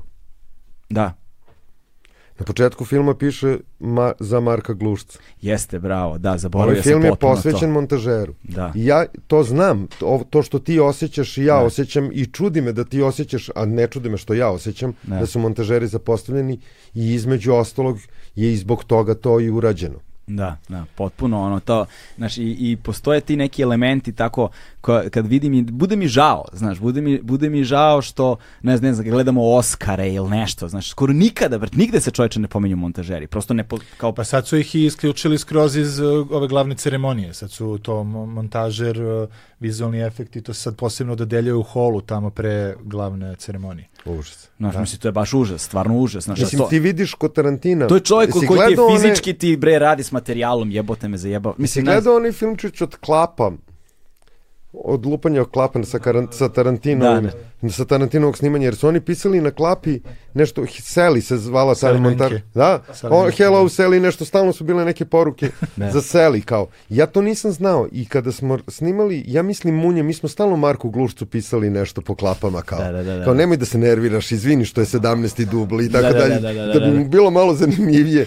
Pa i mi ovdje se stalno zajebavamo koraću, vrate, šaljamo našem montažeru, razumeš, uve, uve, uvek mu šaljamo neke poruke, ono, i, i izvinjavamo se ili kudimo, znaš, znamo da će u montaži da vidi, jebi ga, razumeš, on je taj ko na kraju dana mora da uzme tu sirovinčinu i da stavi, pritom, ljudi koji nisu sedeli u montaži, znaš, ja ne mogu ljudima da objasnim to, prva ruka montaže, to je krvarenje, brate. Ja ne znam, ne pamtim. Meni je to najgore. Meni je prvi dan montaže najgora stvar na svetu. Ono, dok ne postaviš kostur, dok ne postaviš elementarnu stvar, pa onda ti to menjaj, rasturaj, dodaj, briši, radi šta hoćeš, ali kad je kostur postavljen, sve je mnogo lakše. Osim toga, prvu ruku montaže jako malo ljudi ume da gleda. Da, bre. Znači, naš dizajner zvuka, divan i možda i, na, ne mogu da kažem najbolji, ali je sigurno među najboljima Vladan Korać Koki, kad smo izmontirali prvu ruku Kengura, zvali smo i njega da gleda, on je izašao očajan posle te prve ruke montaže i rekao jebote snimili ste sranje, ovo je užasno, ovo ne može da se spase, ovo ne može da se gleda i tako dalje. Onda smo radili, radili, radili, odnosno Marku Glušac i Urke su radili na montaži tog filma i onda posle recimo mesec dana ili 20 dana je došla druga ruka i Koki je došao i gledao i, i govorio "Vi- ovo je novi film, ovo je novi film, ovo je drugi film, ovaj film je genijalan. Sve ono što sam rekao nije tačno i tako dalje. Znači, to je montažer, da napravi od nečega što skoro da ne može da se gleda, da može da se I to gleda. uzbuđenje koje osetiš u montaži kada stvar počne da se oblikuje. Jeste. Kad Ali- shvatiš da dobija Radi. Ali da nije to radi. svima prijatno, ali sam sad prvo setio da sve vreme pričamo o montažerima, sad opet nismo pomenuli montažera ovog filma, tako da Dejan Urošević Urke, evo pozdrav i Jedan hvala. montažer. Pa jedan montažer ovog filma, da, a razne druge materijale su montirali neki a, drugi montažeri, sada da ne, da ne imenujemo sve, ali pozdravljamo i njih, trailere, muzičke spotove oko ovog Jasno, filma jasno, jasno. su radili neki razni ljudi, ali a, to što si rekao, a, zaista ja znam i producente koji kada pogledaju prvu verziju montaže svog filma na kom su radili Padnu u godinama, depresiju. Padnu u tešku depresiju, ali ono, danima ne mogu da dođu sebi, sad opet Da, da, da, ne da. imenujem, ali meni je to malo, naravno, saosećam i kao hoću da im pomognem, ali malo je i smešno, stvarno, Jeste. zato što... Ali ste pre... ili imate vi to? Ja sam to provalio ovaj, kod sebe, mislim nisam nikad radio filmove, ali sam ono, montaži proveo onoliko. Ovaj, kako znam da je stvar dobra? E, tako što postoji, t- e, svaki put kada e, osetim sledeću stvar, znam da će na kraju da bude dobro. Kada osetim očajanje. Znači, ako imam očajanje i želju da dignem ruke na sebe i na druge, znaš, tad znam da, da će na kraju stvar da bude dobra, znaš, ali moram da se nađem u toj tački potpunog očaja, da želim da se okrenem i da odem od svega i da ono, živim na planini nekoj da ne vidim ni jednog čovjeka više nikad u životu. Ovaj, zbog straha od montaže, m, moj je taj slučaj i mnogo više radim na scenariju. Druga stvar, od straha šta će mi montažer Marko Glušac koji sad nije više među nama reći kako si bre ovo snimio? Pa Da. što nisi snimio ovdje i krupni plan? Zar ne vidiš čoveče da fali? Ja sam i na snimanju kadrirao za Marka. Da, da, da. I ti, u- pa, ali to je, mislim, nije, nije kao... Ja tačno znam o čemu govoriš. Meni, me, mislim, ja kapiram da svi reditelji kao, znaš, montiraš, kadriraš, imamo odavde, imamo odavde, ovde mi treba krupni plan, računaš kako će to izgledati u montaži i kako ćeš da ih montiraš i onda znaš šta ti još fali kao. Ali kad imaš konkretnog čoveka Da. koji će ti reći ono, sa, Da, da, da. sa nekom emocijom, obično negativnom, šta si mi bre ovo doneo, Sad mora iz govana te vadim. o, da, onda, onda kao bolje, bolje i radiš na scenariju, bolje radiš, jer Da, tu, da, da. tu, tu problemi monteži se sprečavaju dobrim radom na scenariju. Da. Ko ne plati na drini, platit će na ćupriji. Da. Znaš, u montaži se otkriva istina. To je ono, znaš, Na drini. Na mostu. Na mostu, Mostu. na mostu, da, da, da, izvini. Ali da, dobro, da, da, nije da, da, loše ko ne plati da, na da, da. Drini. ko ne, da, ko ne plati. Ovaj, a, da, u montaži se otkriva istina. Znaš, montaža je ono bolni Jeste. trenutak, bolni trenutak istine. Ali može i svašta da se spase. Između, Tako pa da, da, su montažeri u stvari najbolji prijatelji i glumaca i reditelja i... S tim što montažeri znaju glumce jako dobro, a glumci uopšte ne poznaju montažera. Da. bravo. Ali znaš šta, bravo. montažer tačno zna, on, on vidi one delove kako se glumac sprema pre nego što će da udari klapa, vidi kako reaguje posle završenog kadra, znači on zna Vidimo tog u mačinu čoveka kad se ko majka nje. Da, da, on zna tog čoveka kao majka što ga zna. Da, i gleda ga u krug, u krug i vraća i ponovi, Da, vraća da, da. i ponovi. glumci najviše vole snimatelje, direktore fotografije, jer oni lepo osvetle, lepo snime iz ugla iz kog zna da su dobri i sve to, ali nikad ne upoznaju ove koji ih posle Da. spasu, koji ih seku tako iz, izvuku ono da se pokrije sve što možda nisu izgovorili dobro. Kako B-roll ide preko nečeg, znaš, kada... A, da. gde mu je slina ispala iz nosa. Tako je. znaš, te stvari, i da te stvari pritom nikad ne ugledaju svetlost dana negde sa strane, znaš. Tako je. To da imaš i to poverenje, to je ono da, Tačno. da, u, u tim timovima taj odnos poverenja, to je nešto što, što o čemu ja stalno govorim inače, znaš, na kraju dana sve ćemo da nađemo. Pare su problem, ne znam, naći ćemo pare. Tehnika je problem, ne znam, naći ćemo tehniku. Dani su problem, ne znam, naći ćemo dane. Kako, ne znam, naći ćemo. Ali ljudi, Naći ljude, to je na kraju dana to je najveći problem. To je broj jedan. A pritom da imaš tako kompleksan ekosistem kao što je film, gdje imaš ne znam, Ali 200 nije ljudi. problem. Znaš. Nije problem zato što stvarno ima odličnih ovde filmskih radnika, ima ih mnogo i ima i, i među njima je veliki broj i dobrih ljudi. Naravno, ne zavisi kako se ti postaviš, ti možeš da vladaš ljudima, ja sam do toga došao, do jedne filozofske zaključka, možeš da vladaš ljudima ili tako što te se plaše ili tako što te vole. To su, za mene, koliko sam ja ukapirao, dva jedina načina. Neki reditelji, pomoćnici redi, režije, producenti vladaju strahom, prvog dana otpuste dvoje, troje i posle svi se učute i slušaju. Ili ljubavlju. Ta ljubav troši ti mnogo više kao energije, jer stalno moraš da primaš i daješ, ali je mnogo bolje i zanimljivije i lepše raditi. I ovaj film smo radili nekako u ljubavi kao. Na, nekad, a nekad je kombinacija ta dva, tough love. Ili je samo moje to ne, ne, viđenje? nije, nije. Ova, ova, ova ekipa je bila tako odabrana, ali to, to, mi smo počeli od filma Oaza, koji si takođe gledao, da e, ljudi biramo na poseban način. Prestali smo do tog trenutka zaista e, uvek nam je, jer smo došli kao filmski radnici i sami iz nekog tog iskustva, birali smo prvo uh, filmske radnike, one najbolje koje možemo da dobijemo, one koji su najsposobniji, oni koji najbolje rezultate, najbolji efekat daju uh, operativno. Međutim, kada smo radili Oazu, kada smo shvatili da treba da snimamo ceo film u domu za, za decu i mlade sa smetnjama u razvoju, shvatili smo da tu moramo da, uh, da, da napravimo drugačiji casting filmske ekipe, pa čak i tehničara. I onda smo tu razgovarali sa ljudima i pokuša, pokušali da ljude angažujemo na nivou na, na nivou empatije, uh, na osnovu nivoa empatije koji posjeduju i Da, da. spremnosti uh, pre svega da budu ljudi, a onda filmski radnici. I onda nam se to dopalo, jer je ta ekipa funkcionisala prelepo, predivno i odlučili smo da ćemo to zauvek da primenjujemo. I onda smo to primenili i na ovaj film i zaista se pokazalo kao jedino ispravno ok, napravit će ljudi neke greške, možda ćemo malo i da se ljutimo, ali radije bih da radim sa ljudima koji imaju uh, empatiju i imaju neki zdrav odnos prema ljudima oko sebe i prema svetu, nego, i, i nekad i pogreše nekad, nego da radimo sa vrhunskim profesionalcima zbog kojih nećemo spavati zbog međuljudskih odnosa, na primjer. Da. Tu, tu kod do Aze me zanima nekoliko stvari, pa bismo mogli minut da posjetimo tome, ali pre nego što ovaj, pre nego što to kažeš, znači, na, iz, iz stvari koje smo mi radili, znači, ja, iz mog iskustva se dešavalo baš često to, znači, na primjer, treba da se angažuje nekakav reditelj ili ne znam, ne, ne, ne, neko ko će da nam pomogne u tome što mi radimo, a nije naravno filmska industrija niti šta slično, ali kao potrebno je. I onda uvek bude, taj, često se desi taj razgovor, jao, ne znam, dobili smo ovog reditelja, ono koji ima ovu nagradu, koji napravi ovo, koji napravi ono. Pa kao, da, ali, znaš, da li je njemu stalo do toga da pravi ovo ili mu ovo samo tezga? Znaš, daj radije nekoga ko nije ta osoba, Mm. a kome znači da učestvuje u tom projektu, jer možda zna manje, možda je sposoban, ali će dati sve od sebe. Znaš, i uvek se to pokaže kao bolja stvar. Znaš, uvek treba negde da se napravi ta vrsta kalkulacije koliko neko s nekim senzibilitetom, željom, ono, sklonostima, karakternim osobinama odgovara ili razume određeni sadržaj na određeni način, pre nego da li nosi ovu nagradu sa sobom i ovaj CV, znaš, ovaj spektar kao, ne znam, e, ima ovaj set skillova koji može, ali džabe kada Da.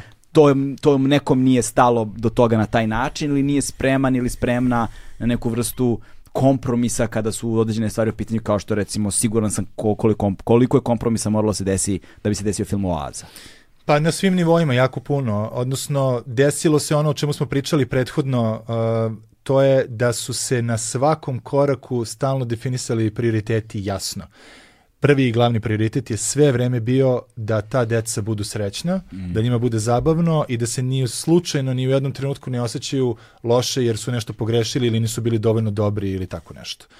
Jer to je nešto što je na snimanjima Raše malo propomenuo. Mi idemo kao tank neki, idemo i gazimo, snimamo naše kadrove. I baš nas Mlevena- briga, mašina za mlevenje i baš nas mesa. briga za sve ostalo Da. oko nas. Ali za oazu to nije smelo nikako da se desi. Morali smo da pazimo da to bude sad. Naravno, zanesemo se mi, zanese se i reditelj i, i neki drugi članovi ekipe, pa smo mi čak i u oazi nekad malo bili tank, ali kada je postavljeno tako da je prioritet ovo drugo i da sve vreme to bude prvo pred očima, to je bila najvažnija stvar. Producentu da te pitam, kako, kako je bilo nalaziti pare za Oazu? Pa zapravo mnogo lakše nego što smo mislili. Zaista? Da, stvarno. Mislio sam da će biti teško i u Srbiji, da će biti teško i u inostranstvu, međutim prvo na, na domaćem ovom fondu gde uvek finansiramo veći deo budžeta, to je, su konkursi Filmskog centra Srbije, a, ja sam očekivao da će biti milijardu nekih podpitanja kako ćete vi ovo, odakle vama ideja, ko vama daje za pravo da vi radite s ovim ljudima. Međutim, nismo ni jedno jedino pitanje imali. Ja jesam napisao u aplikaciji strane i strane teksta kao u napred odbranu, kao napad Eksplikacije. eksplikacije kako ćemo mi da radimo i zašto mi zaslužujemo i šta, koje mi u stvari kompetencije imamo u tom smislu. Ali činjenica je da su ljudi poverovali u to i rekli bravo, evo izvolite, odabrali projekat bez ikakvih ovaj, podpitanja ili pritisaka i to je prošlo onako iz prve na moje veliko iznenađenje.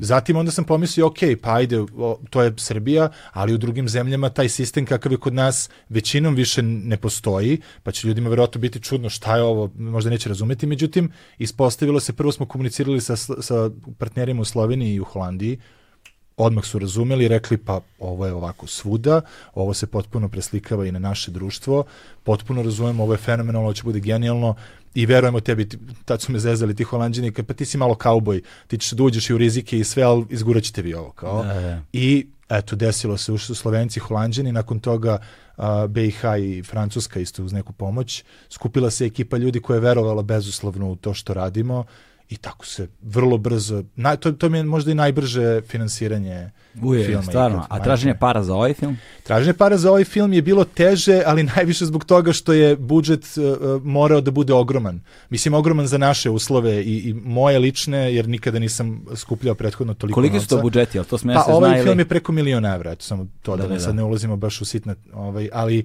milion evra je za, naš, za naše uslove ogroman novac i za našu kinematografiju, jer nama je domaći fond obezbedio otprilike oko 30-35% i sad treba prikupiti još, ne znam, 65%, što je preko 650.000 evra Da. i sve je to ok, postoji taj novac, ali to zahteva vreme. Jer vidite na jedan konkurs, pa na drugi konkurs, pa na treći, pa sa onda sa tim dobijenim novcem na neke panevropske konkurse i to je sve uvek 3, 4, 5 meseci do nekih rezultata i tako dalje. Mi smo sve vreme znali da ćemo uspeti.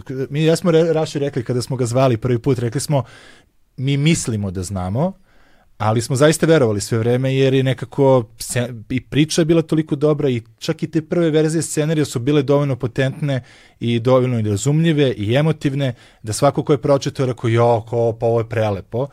I znali smo će ljudi tako reagovati i samo smo gledali da nađemo prave partnere a, koji nam neće samo pomoći da dođemo do novca, nego će nam posle pomoći da dođemo, ovaj, da taj novac potrošimo i na prave glumce i na prave ljude.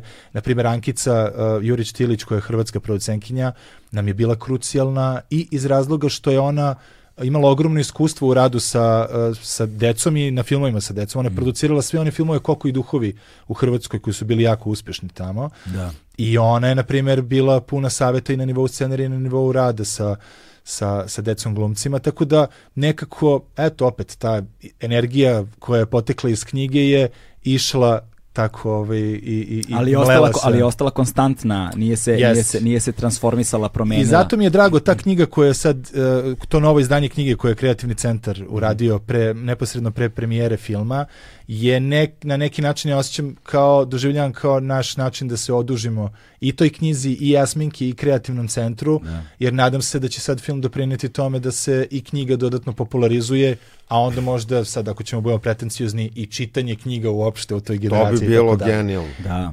Znaš, moja čerka obožava ovaj, dosta knjiga kreativnog centra, tamo uglavnom i kupujemo dečije knjige, ali Jasminkine knjige takođe, ne znam koliko ih ima koje ono zna na pamet bukvalno. Znači, na kraju dana roditelji kupuju knjige za sebe koliko i za decu, zato što ako kupiš dve, da. tri i detetu se svidi, najebo si.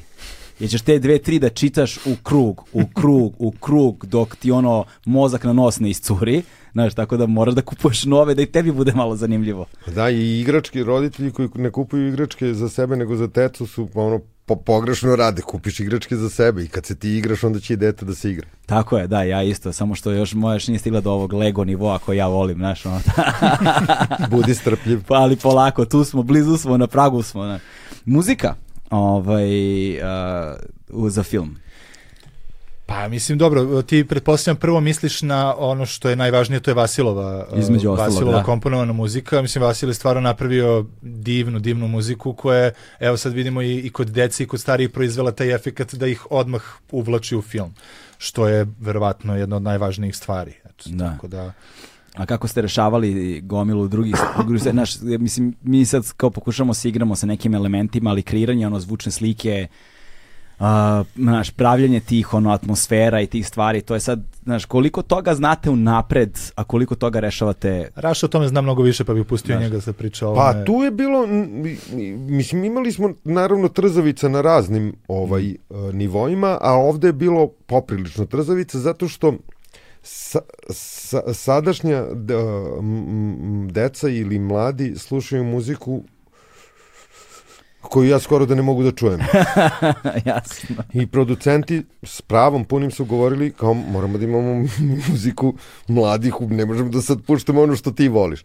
Onda sam ja slušao, slušao razne muzike neke. Šta ti se najviše da, svidelo?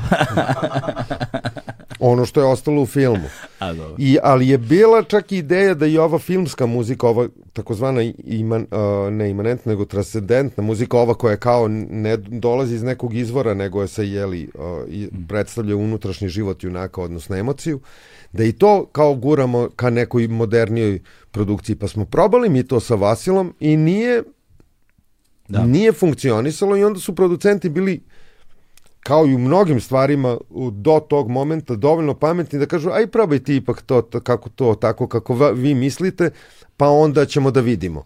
I onda smo mi probali i to je stvarno funkcionisalo. Da, da.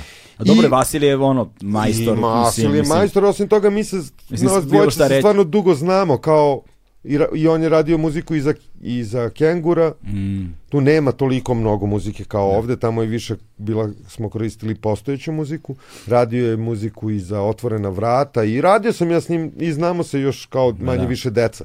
Tako da smo, mm, relativno lako smo došli do tih rešenja. da li, reci. Pa nije, nisu to samo dodam da smo to, š- tu našu ambiciju da, da muziku u filmu približimo toj novijoj generaciji, to smo na neki način kompenzovali prvo tom imanentnom muzikom, odnosno muzikom koja se pojavljuje negde iz kafića, i u bu- busu i tako dalje, pa se tu pojavljuje, ne znam, Z++, uh, Da. uh, ne znam, Stray Dog, tu i tamo, Bojana Vunturišević, Sajsi, i, on, ali uh, to je onda doprinalo da ipak negde u atmosferi postoji to što jeste blisko njima i što je autentično za ovo Nekakav vreme. duh vremena, da. Da, zamolili smo Bojanu Vunturiševića da nam pomogne u, u odabiru, stvari sa skupljanjem nekih predloga. A ja, ona je bila muzički urednik da, praktično. je bila muzički saradnik filma. Saradnik. A onda smo na sve to hteli da napravimo još nešto što će možda u promociji filma, čak i ako nije ta pesma u filmu, a, biti neki dodatni adut, nešto što komunicira a, sa tom mlađim publikom. I onda smo a, zamolili Bojanu i Bambija a, Mirkovića da pokušamo da obradimo ovu pesmu uh, Osmijeh grupe 220 koja u filmu se pojavljuje na razne načine i, i, i postoji Vasilova obrada i pevuše bake, pa i pevuše klinci i tako dalje da vidimo šta možemo da uradimo s njom, da li možemo nju nekako da obradimo u nekom današnjem fazonu.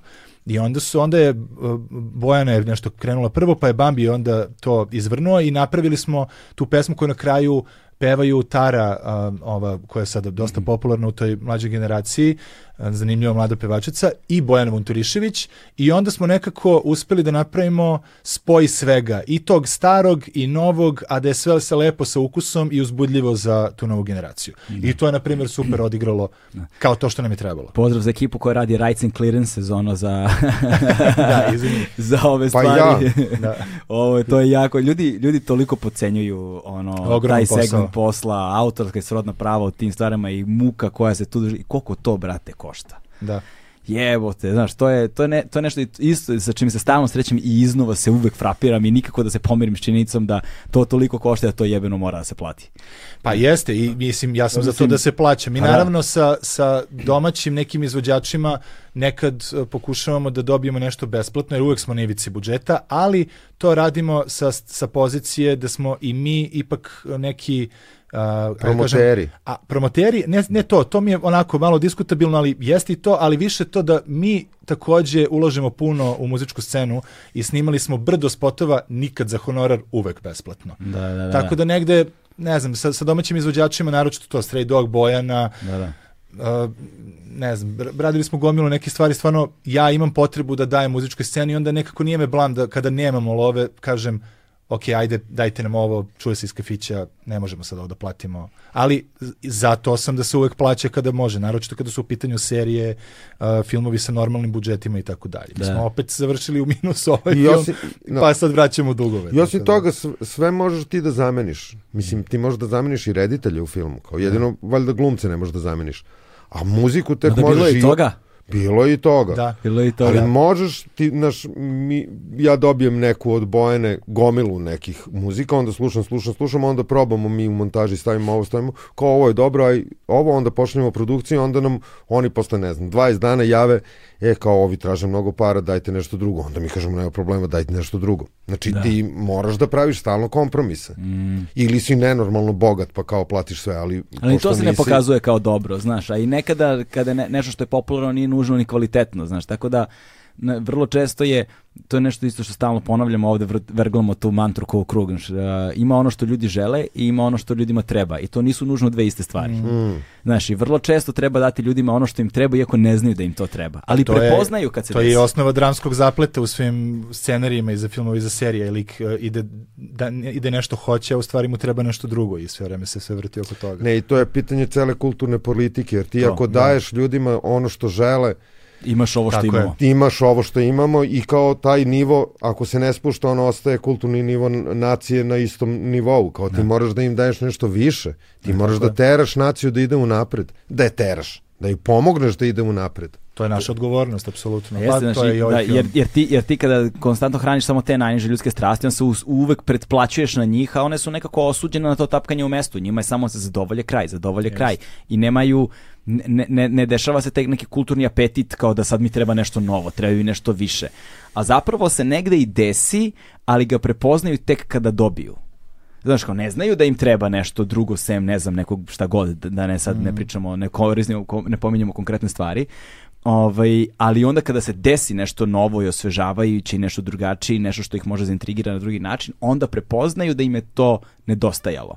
Tek kada iz ove, iz ovog ono, ove tapiserije jednih te istih stvari koje se stalno vrte u krug. Ko je imao to?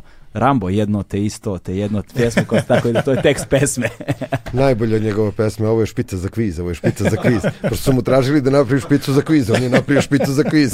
To je, To je genijalno. To je najbolje. Špica, I kako kaže, koliko grba ima dvogrba Kamila. Ne, to je, e, drugar moj radi nešto, ovaj, naš montažer zapravo montira nešto što ovaj, za ne- neki komercijalni televizijski sadržaj i kao, baš smo pričali sad, pošto mi kao ulazimo neki pilot projekat i u fazonu smo, sad gledamo ove sajtove za, za, za ba- sa bazama zvučnim, našim muzikom i to koliko to košta, bog te maz, to košta ono, Marko, sve ćeš ti da praviš, znaš. Jeftinije je, znaš kao. I, ovaj, I onda on mi on pokazao, vidiš šta ja radim moj kao drugi projekat, kao svu muziku za taj projekat, kao koja traje, ne znam, 10 sezona je radio Rambo. I ulazi kao u foldere, i znaš ti koliko je to muzike? Znači to su, znaš, to je, znaš, za 10 sezona sva muzika koja se koristi kao je radio, znaš, ta, to je čovjek s kog ja mislim kreativnost mu iz ušiju ispada, ja ne znam, ono, Ja sam počeo ponovo da zovem beogradski taksi zbog njega, zato što su u nekom trenutku imali njega na onom na waiting call, a E, sad da, to više sam- nemaju, sad opet zovem Lux. e, ali to sam čuo, ali nikad nisam ukačio. Kako čovječ, Mislim, pa to je najbolje taksi. nešto na svetu. Rambo ti nešto priča 10 minuta dok čekaš i to pritom ne ponavlja se, nego traje zaista 10-15 minuta neki on priča nešto.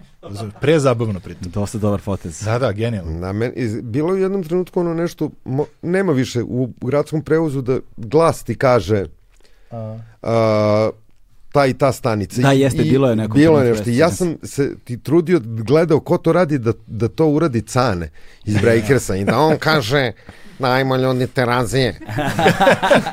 to bi bilo genijalno. E, ali znaš, ali to, ali to onda zahteva a, na pozicijama ljudi koji odlučuju takve stvari, znači na, poz, na pozicijama gde se odlučuje o tim stvarima da budu ljudi koji imaju sluha za takve A, da. stvari. E, ali te, te ljude, da bi sedeli ti lju- ljudi u institucijama tada, mi moramo sada da, Tako da je. pravimo od te dece takve Tako ljude. Znači, ljude sa integritetom. Tako je, tako je. Najvažnije je napraviti ljude sa integritetom i koji, mo, koji imaju mogućnost da, da, da razvijaju maštu, odnosno koji imaju razvijenu maštu. Sve ostalo će doći samo od sebe. Ali to, se, to je jedino, jedino može da se radi kao što si rekao u osnovnoj školi. Pa da. Znači ti ne vredi ja svoju majku ili, ili tetku da učim da treba da reciklira. Ne, Ne, ne, nema šanse. Bože, nema Kako? šanse, da, da, da. Mislim, automatski ide sve u kantu za đubre, nego decu treba Tako je. Mislim, ne mora baš kao ono Mao Tse-tung kulturna revolucija i to, ali deca moraju da nas čeraju da Pa da. živimo u, u novom svetu. I- Jeste i ovaj i s druge strane, znaš, treba takođe ti ljudi koji to rade, treba da se stvo, da bi mogli uopšte da se nalaze. Mislim, mi danas imamo ljude koji bi možda imali ideju ili želeli ili tako nešto, ali ne nalaze se u klimi koja im to dozvoljava. Jeste. Znaš, to je isto, treba stvoriti jednu klimu društvenu širu da bi ti ljudi koji imaju to u sebi mogli da izađu na površinu. Znaš, kod nas na površinu u, ovoj, u takozvani poznacima navoda konkurenciji ne izlaze oni koji su najsposobniji, nego oni koji je najmanje sramota. Znaš, velika je razlika. velika je Kojima razlika. je ambicija 10, E, a sposobnost slabašna. to, to. I onda se, i onda se nalazimo Znaš, jer, jer ja sam često primetio, jer često primećujem takođe u, u tim situacijama, posebno kada su neke pare u igri ili kada je u pitanju nešto š, sa čime, znaš, nešto što nije oproban recept. Znaš, i onda se nalaziš zapravo na nepoznatom terenu. Ogroman broj ljudi ima strah da proba. Znaš, imaju strah od greške. To je ono, znaš, da, da će nalete, da će, znaš, i, i vidim da mnogi kod nas da prosto klima takva već on godinama, decenijama je takva da ljudi, da ljudi misle da nemaju prava na grešku. A kao deo kreativnog procesa jeste da imaš pravo na grešku. Ti moraš da probaš i E, da pogrešiš. vidiš kako si to divno rekao. Znači, jedini govor koji ja uvek održim filmskoj ekipi je da je normalno grešiti, da svi grešimo, da ću ja najviše verovatno da grešim i da je samo bitno kad pogreše nešto da kažu da su pogrešili, da bismo mi imali vremena da to grešku ispravimo. Jer ako ti kažu, ono, pokušavaju sami, kriju, pokušavaju sami i na kraju ne ispu, i pred kadar kažu, e, nemamo ovu rekvizitu. Ti onda ne možeš ništa da uradiš. Možda Da. kao ne snimiš taj kadar i, ili da menjaš scenu. Znači, jedino je, naravno da grešimo i na, normalno je, kao potpuno je normalno, samo je, kaži, pogrešio sam. Tako je. Da. Spasi me, pogrešio sam. U servisima stranih produkcija postoji taj moment da, da nije tako, nego da se ljudi spremaju da kada se greška desi, da mogu da kažu nisam ja. I to je pogubno, na primjer, po filmske ekipe, a i po bilo kakve druge ovaj, kolektive i apsolutno je to što Raša kaže, greške su normalne, samo mora da se komunicira. Da, da, postoji to u zapadnim sistemima, mislim kad kažem zapadnim, ne mislim ono prevas- prevashodno ideološki, nego mislim na zemlje krupnog kapitala gde stvari funkcionišu na drugačiji način, tu je ključna stvar oprati ruke. I onda to kad vidiš, kad se desi neko sranje i onda kad krene da ono, naš, loptica ide, pa, da, pa samo strah gde će da se zaustavi, na kome će se zaustavi ko će da strada od toga. Da. A pritom to ne pomaže projektu, to samo Ne. usporava stvar. Znači, kada se desi neka greška i kad krene producent ili vođa snimanja ili neko pomoćnik režije, ko je ovo? Nema veze. Mm. Otkrićemo možda, kad se završi snimanja, možda ni ne moramo, ni tad nije važno. Ajde, Nego daj da vidimo kako da da rešimo. Pa da, da, da. Jer je gubljenje vremena, kao kakve veze ima ko je krivi. Zato ja vrlo često govorim, ljudi, ja sam kriv, izvinite. Ajmo dalje. Ajmo da. dalje. Ajmo dalje. Znaš, na kraju... Jer kad re, reditelju manje više osim producenta niko ne može da kaže da, da mu kao da ga ono i šamara što je kriv i onda ja često prihvatam grešku na sebe samo da skratim taj proces otkrivanja kako, boli me uvo ko je pogrešio daj da samo smislimo kako ćemo da se izvučemo iz, iz bunara Da, to je ta prednost, mislim, to je ta to je to veština upravljanja kolektivom i tim kolektivnim radom, ono, to je kao kako, je- kako mi je neko lepo objasnio jednom prilikom, ovaj, kaže šta radi dirigent, Znaš, kaže, svaki muzičar svira svoj instrument, dirigent svira orkestar. Znaš, to je ono, znaš, i onda, i onda kada na taj način uzmeš, znaš, šta sad taj sve mora da uzme u obzir da bi to funkcionisalo kako treba. Nisu to samo note. Da, Znaš, da. nisu to samo note. Tako da ovaj, u tom celom pripremnom procesu je stvar ono isto značajno komplikovana. Nego, potpuno off topic, ovaj, uh, se želimo prokomentarišemo Oscare. Ja, ja nisam gledao pola filmova ti. Bra, brate, što nisam gledao pola filmova, nisam znao se dešavaju Oscari. Aha. Znači, ja sam, uh, ja sam samo saznao i to sam pročitao posle negde neki tweet ili nešto, kao da Will Smith nije udario Krisa Roka, kao ja ne bih znao da se Oscari dešavaju. Bukvalno, to je, sa- samo sam to video kao vest svuda i ovo, evo čak evo sad sam ja ovde pomenuo. Ovaj, nisam imao pojma, brate, da se Oscari dešavaju, što znači da, znaš, ne znam, izgubili su na nekoj relevantnosti ili Pa ne znam šta je. mislim da se tu nekoliko stvari desilo, pre svega a, mislim da je to zbog filmova koji su nominovani, koje mahom ili nismo imali prilike da vidimo ili nisu postigli taj nivo popularnosti koji obično imaju ti filmovi koji su Da, da. nominovani za Oscara. Ti sad verovatno ne znaš da nabrojiš pet filmova koji su Ne. bili nominovani. Pa ne, da. ne znam, ne znam, zaista ne Ovaj znam. koji je pobedio, verovatno si prvi put čuo te večeri kada je, ili Da. sutradan kada su izašli rezultati. To je delimično zbog toga što su producenti tih uh, um, tih filmova platforme, kao Mm. što su Netflix, Amazon. Ja mislim da je ovaj film koji je pobedio sa Apple TV-a, odnosno Da. da. To. Mislim da je to Ali- glavni razlog. ali što znaš je šta to mislim malo da- low key sada. Ali znaš šta mislim takođe da se desilo u, u velikoj meri? Pošto te platforme sada sve više vidiš tog sadržaja koje je na neengleskim jezicima koji postaje strahovito popularan. Od skandinavskih serija, nemačkih serija, Mhm. italijanskih serija, ne znam, znaš, sada na, od Darka Gomore, ne znam šta sve, dobijaju mainstream pažnju, ne znam, od. La Casa de Papel, što ti ja znam, sada nećemo govorimo o kvalitetu njih, koji vrlo često ume da bude upitan, ali da negde je ovo digitalno doba, internet doba, donelo jednu decentralizaciju tog sadržaja. Znaš, da, da, da su da interesovanja za različit sadržaj iz kulture počeo da postaje polako globalan, znaš, od korejskog popa, od K-popa do ne znam čega, znaš, ja sam re upoznavao klince ovde koji nisu mrdnuli iz Beograda nikad, koji govore korejski. Pa da, ne znaju ni jednog Korejca. Pa ne, evo, kako se zove, Blackpink uh, i ta neka, kako se zove ona, dobro, nije ni bitno, uglavnom čerka mog najboljeg drugara, uglavnom sad sluša samo to, sluša Blackpink i tu malo koja je sad izašla iz Blackpinka, pa ne znam. Ne znam, znaš, ali kao, i mislim da je to... Ja ne znam o čemu pričate. Već ovo platforma mi Da, je da. kao, čekaj šta je sad platforma? Da Ali samo na- vi pričajte, da meni je vrati- zanimljivo. da se vratimo na filmske trake, kao, znaš. Pa, pa mislim da, mislim da se, mi, negde imam utisak da se desilo to, znaš, zato što vidim da se i estetika menja, kroz brojne filmove da se taj internet estetika počinje da ulazi Jest. da znaš da, da, da je taj da je ta kontekstualnost tih stvari postala zna, mnogo daleko Pa evo ova serija Euforija, ne znam da li si to uspeo da zakačiš ova Ja sezon sam ono prvu sezonu, ovo je negledljivo. Da, mislim to je sad već potpuno spot estetika, to teško ima veze sa, sa Mm. filmskom ili serijskom da to je preupucano. To je preupucano. Ja sam više mislio na ovu trash, znaš, kao ja sam Aha, više mislio dobro. na ovu gde se izgleda kao da je snimljeno mobilnim telefonom, to, to. znaš, da je prosto je to nekako duh vremena i trpi trpi tu vrstu estetike koja je pre 20 godina bila ne, ne, ne, nemoguća, znaš. Pred, pred, pa bre, šta, pred 7 godina smo fazom, ono, kad neko snimi vertikalni video, bili u fazonu smrt, ne, da, da. smrt vertikalnom videu, razumeš? Oceci ruke ovoj budali koja je Ja snimala sam i ovako. dalje u tom fazonu. Ja bi to... Ja ću da glasam za onu partiju koju u Ustav uvede zabranu 69. vertikalnog snimanja. koje u, u za- Ustav uvede 16-9. To je kao, znaš, a ne 9-16.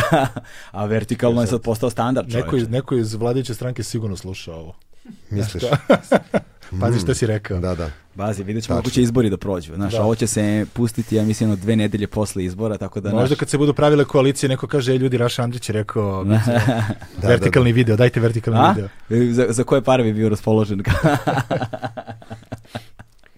Zajebavam se.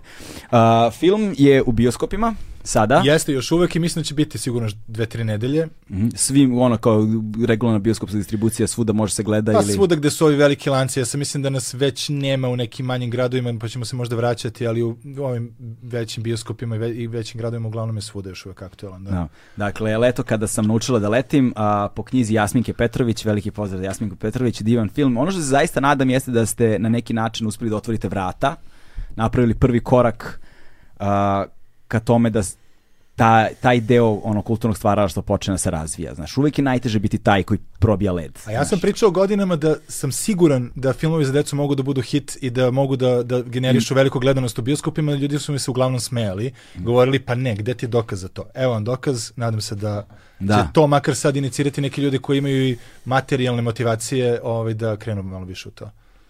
Nismo mi probili led. Snimljeno je ipak nekih pet filmova u posljednjih 20 godina. Pa Rađeni su pokušaj i nije sad da smo mi neki Da. pronalazači. Ali ni- nije, nis, nisu toliko dobro uspeli kao ovaj, ali ljudi pokušavaju i, Da. i to hvale vredni su pokušaj svi ti, svih tih pet filmova Koji Mesec su od? Ja papira, znam. Agi i Ema, Peti Dobro, leptir. čekaj, čekaj, čekaj, aj ponovite. peti le... Mesec od papira, Ne, ne, pa, princ od papira. Princ od papira, Princ od papira. pardon, Princ od papira, Agi i Ema, peti leptir, zlogonje i ne znam koji je peti. Pa ja znam samo ta četiri sad. Ali eto, ljudima preporuke pa mogu sada kada znaju da potraže i, a sad da, da li mogu negde da se vide, to je sad fora, a da nisu sad, da nije sad torenata, ono.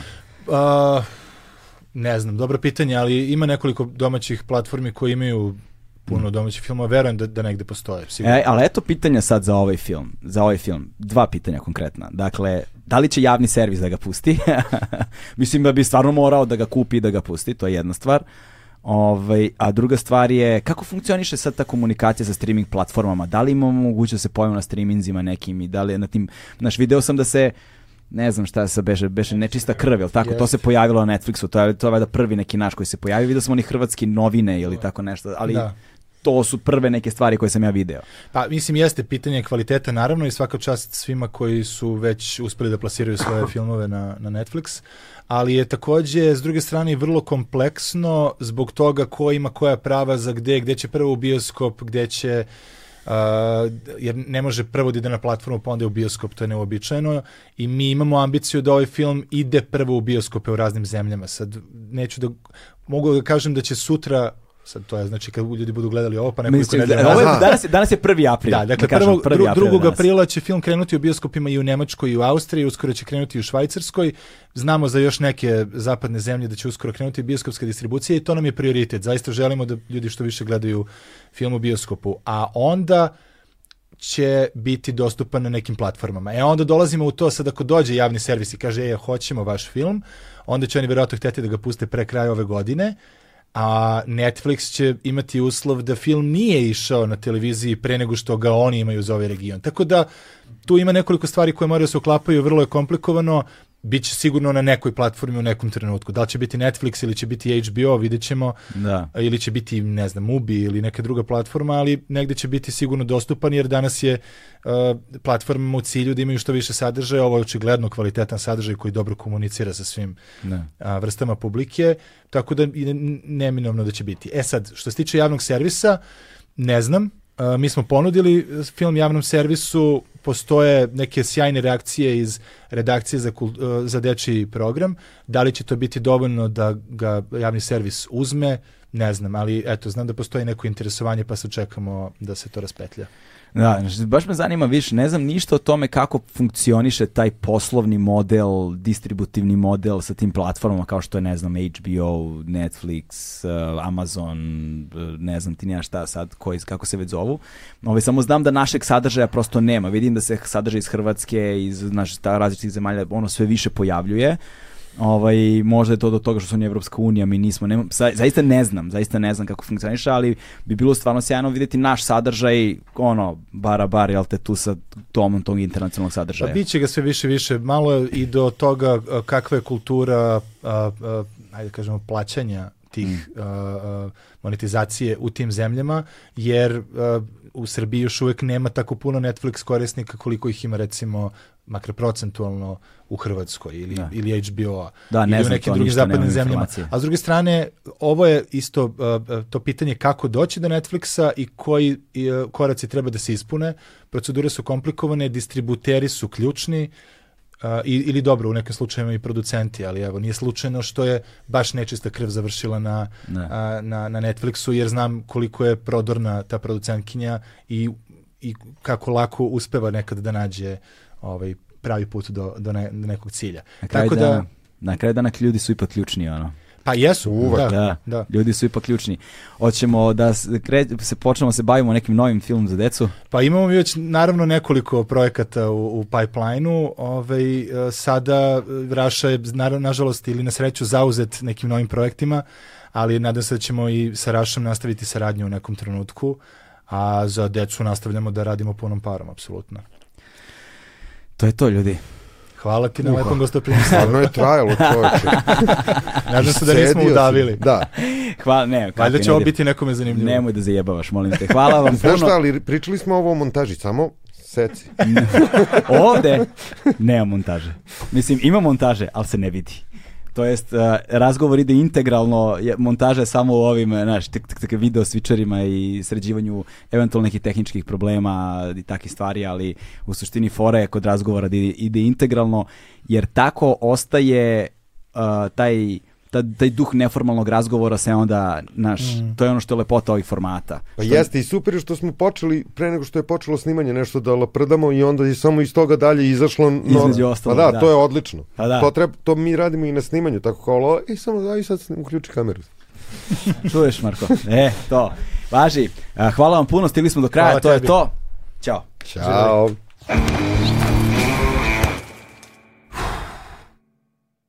Hmm.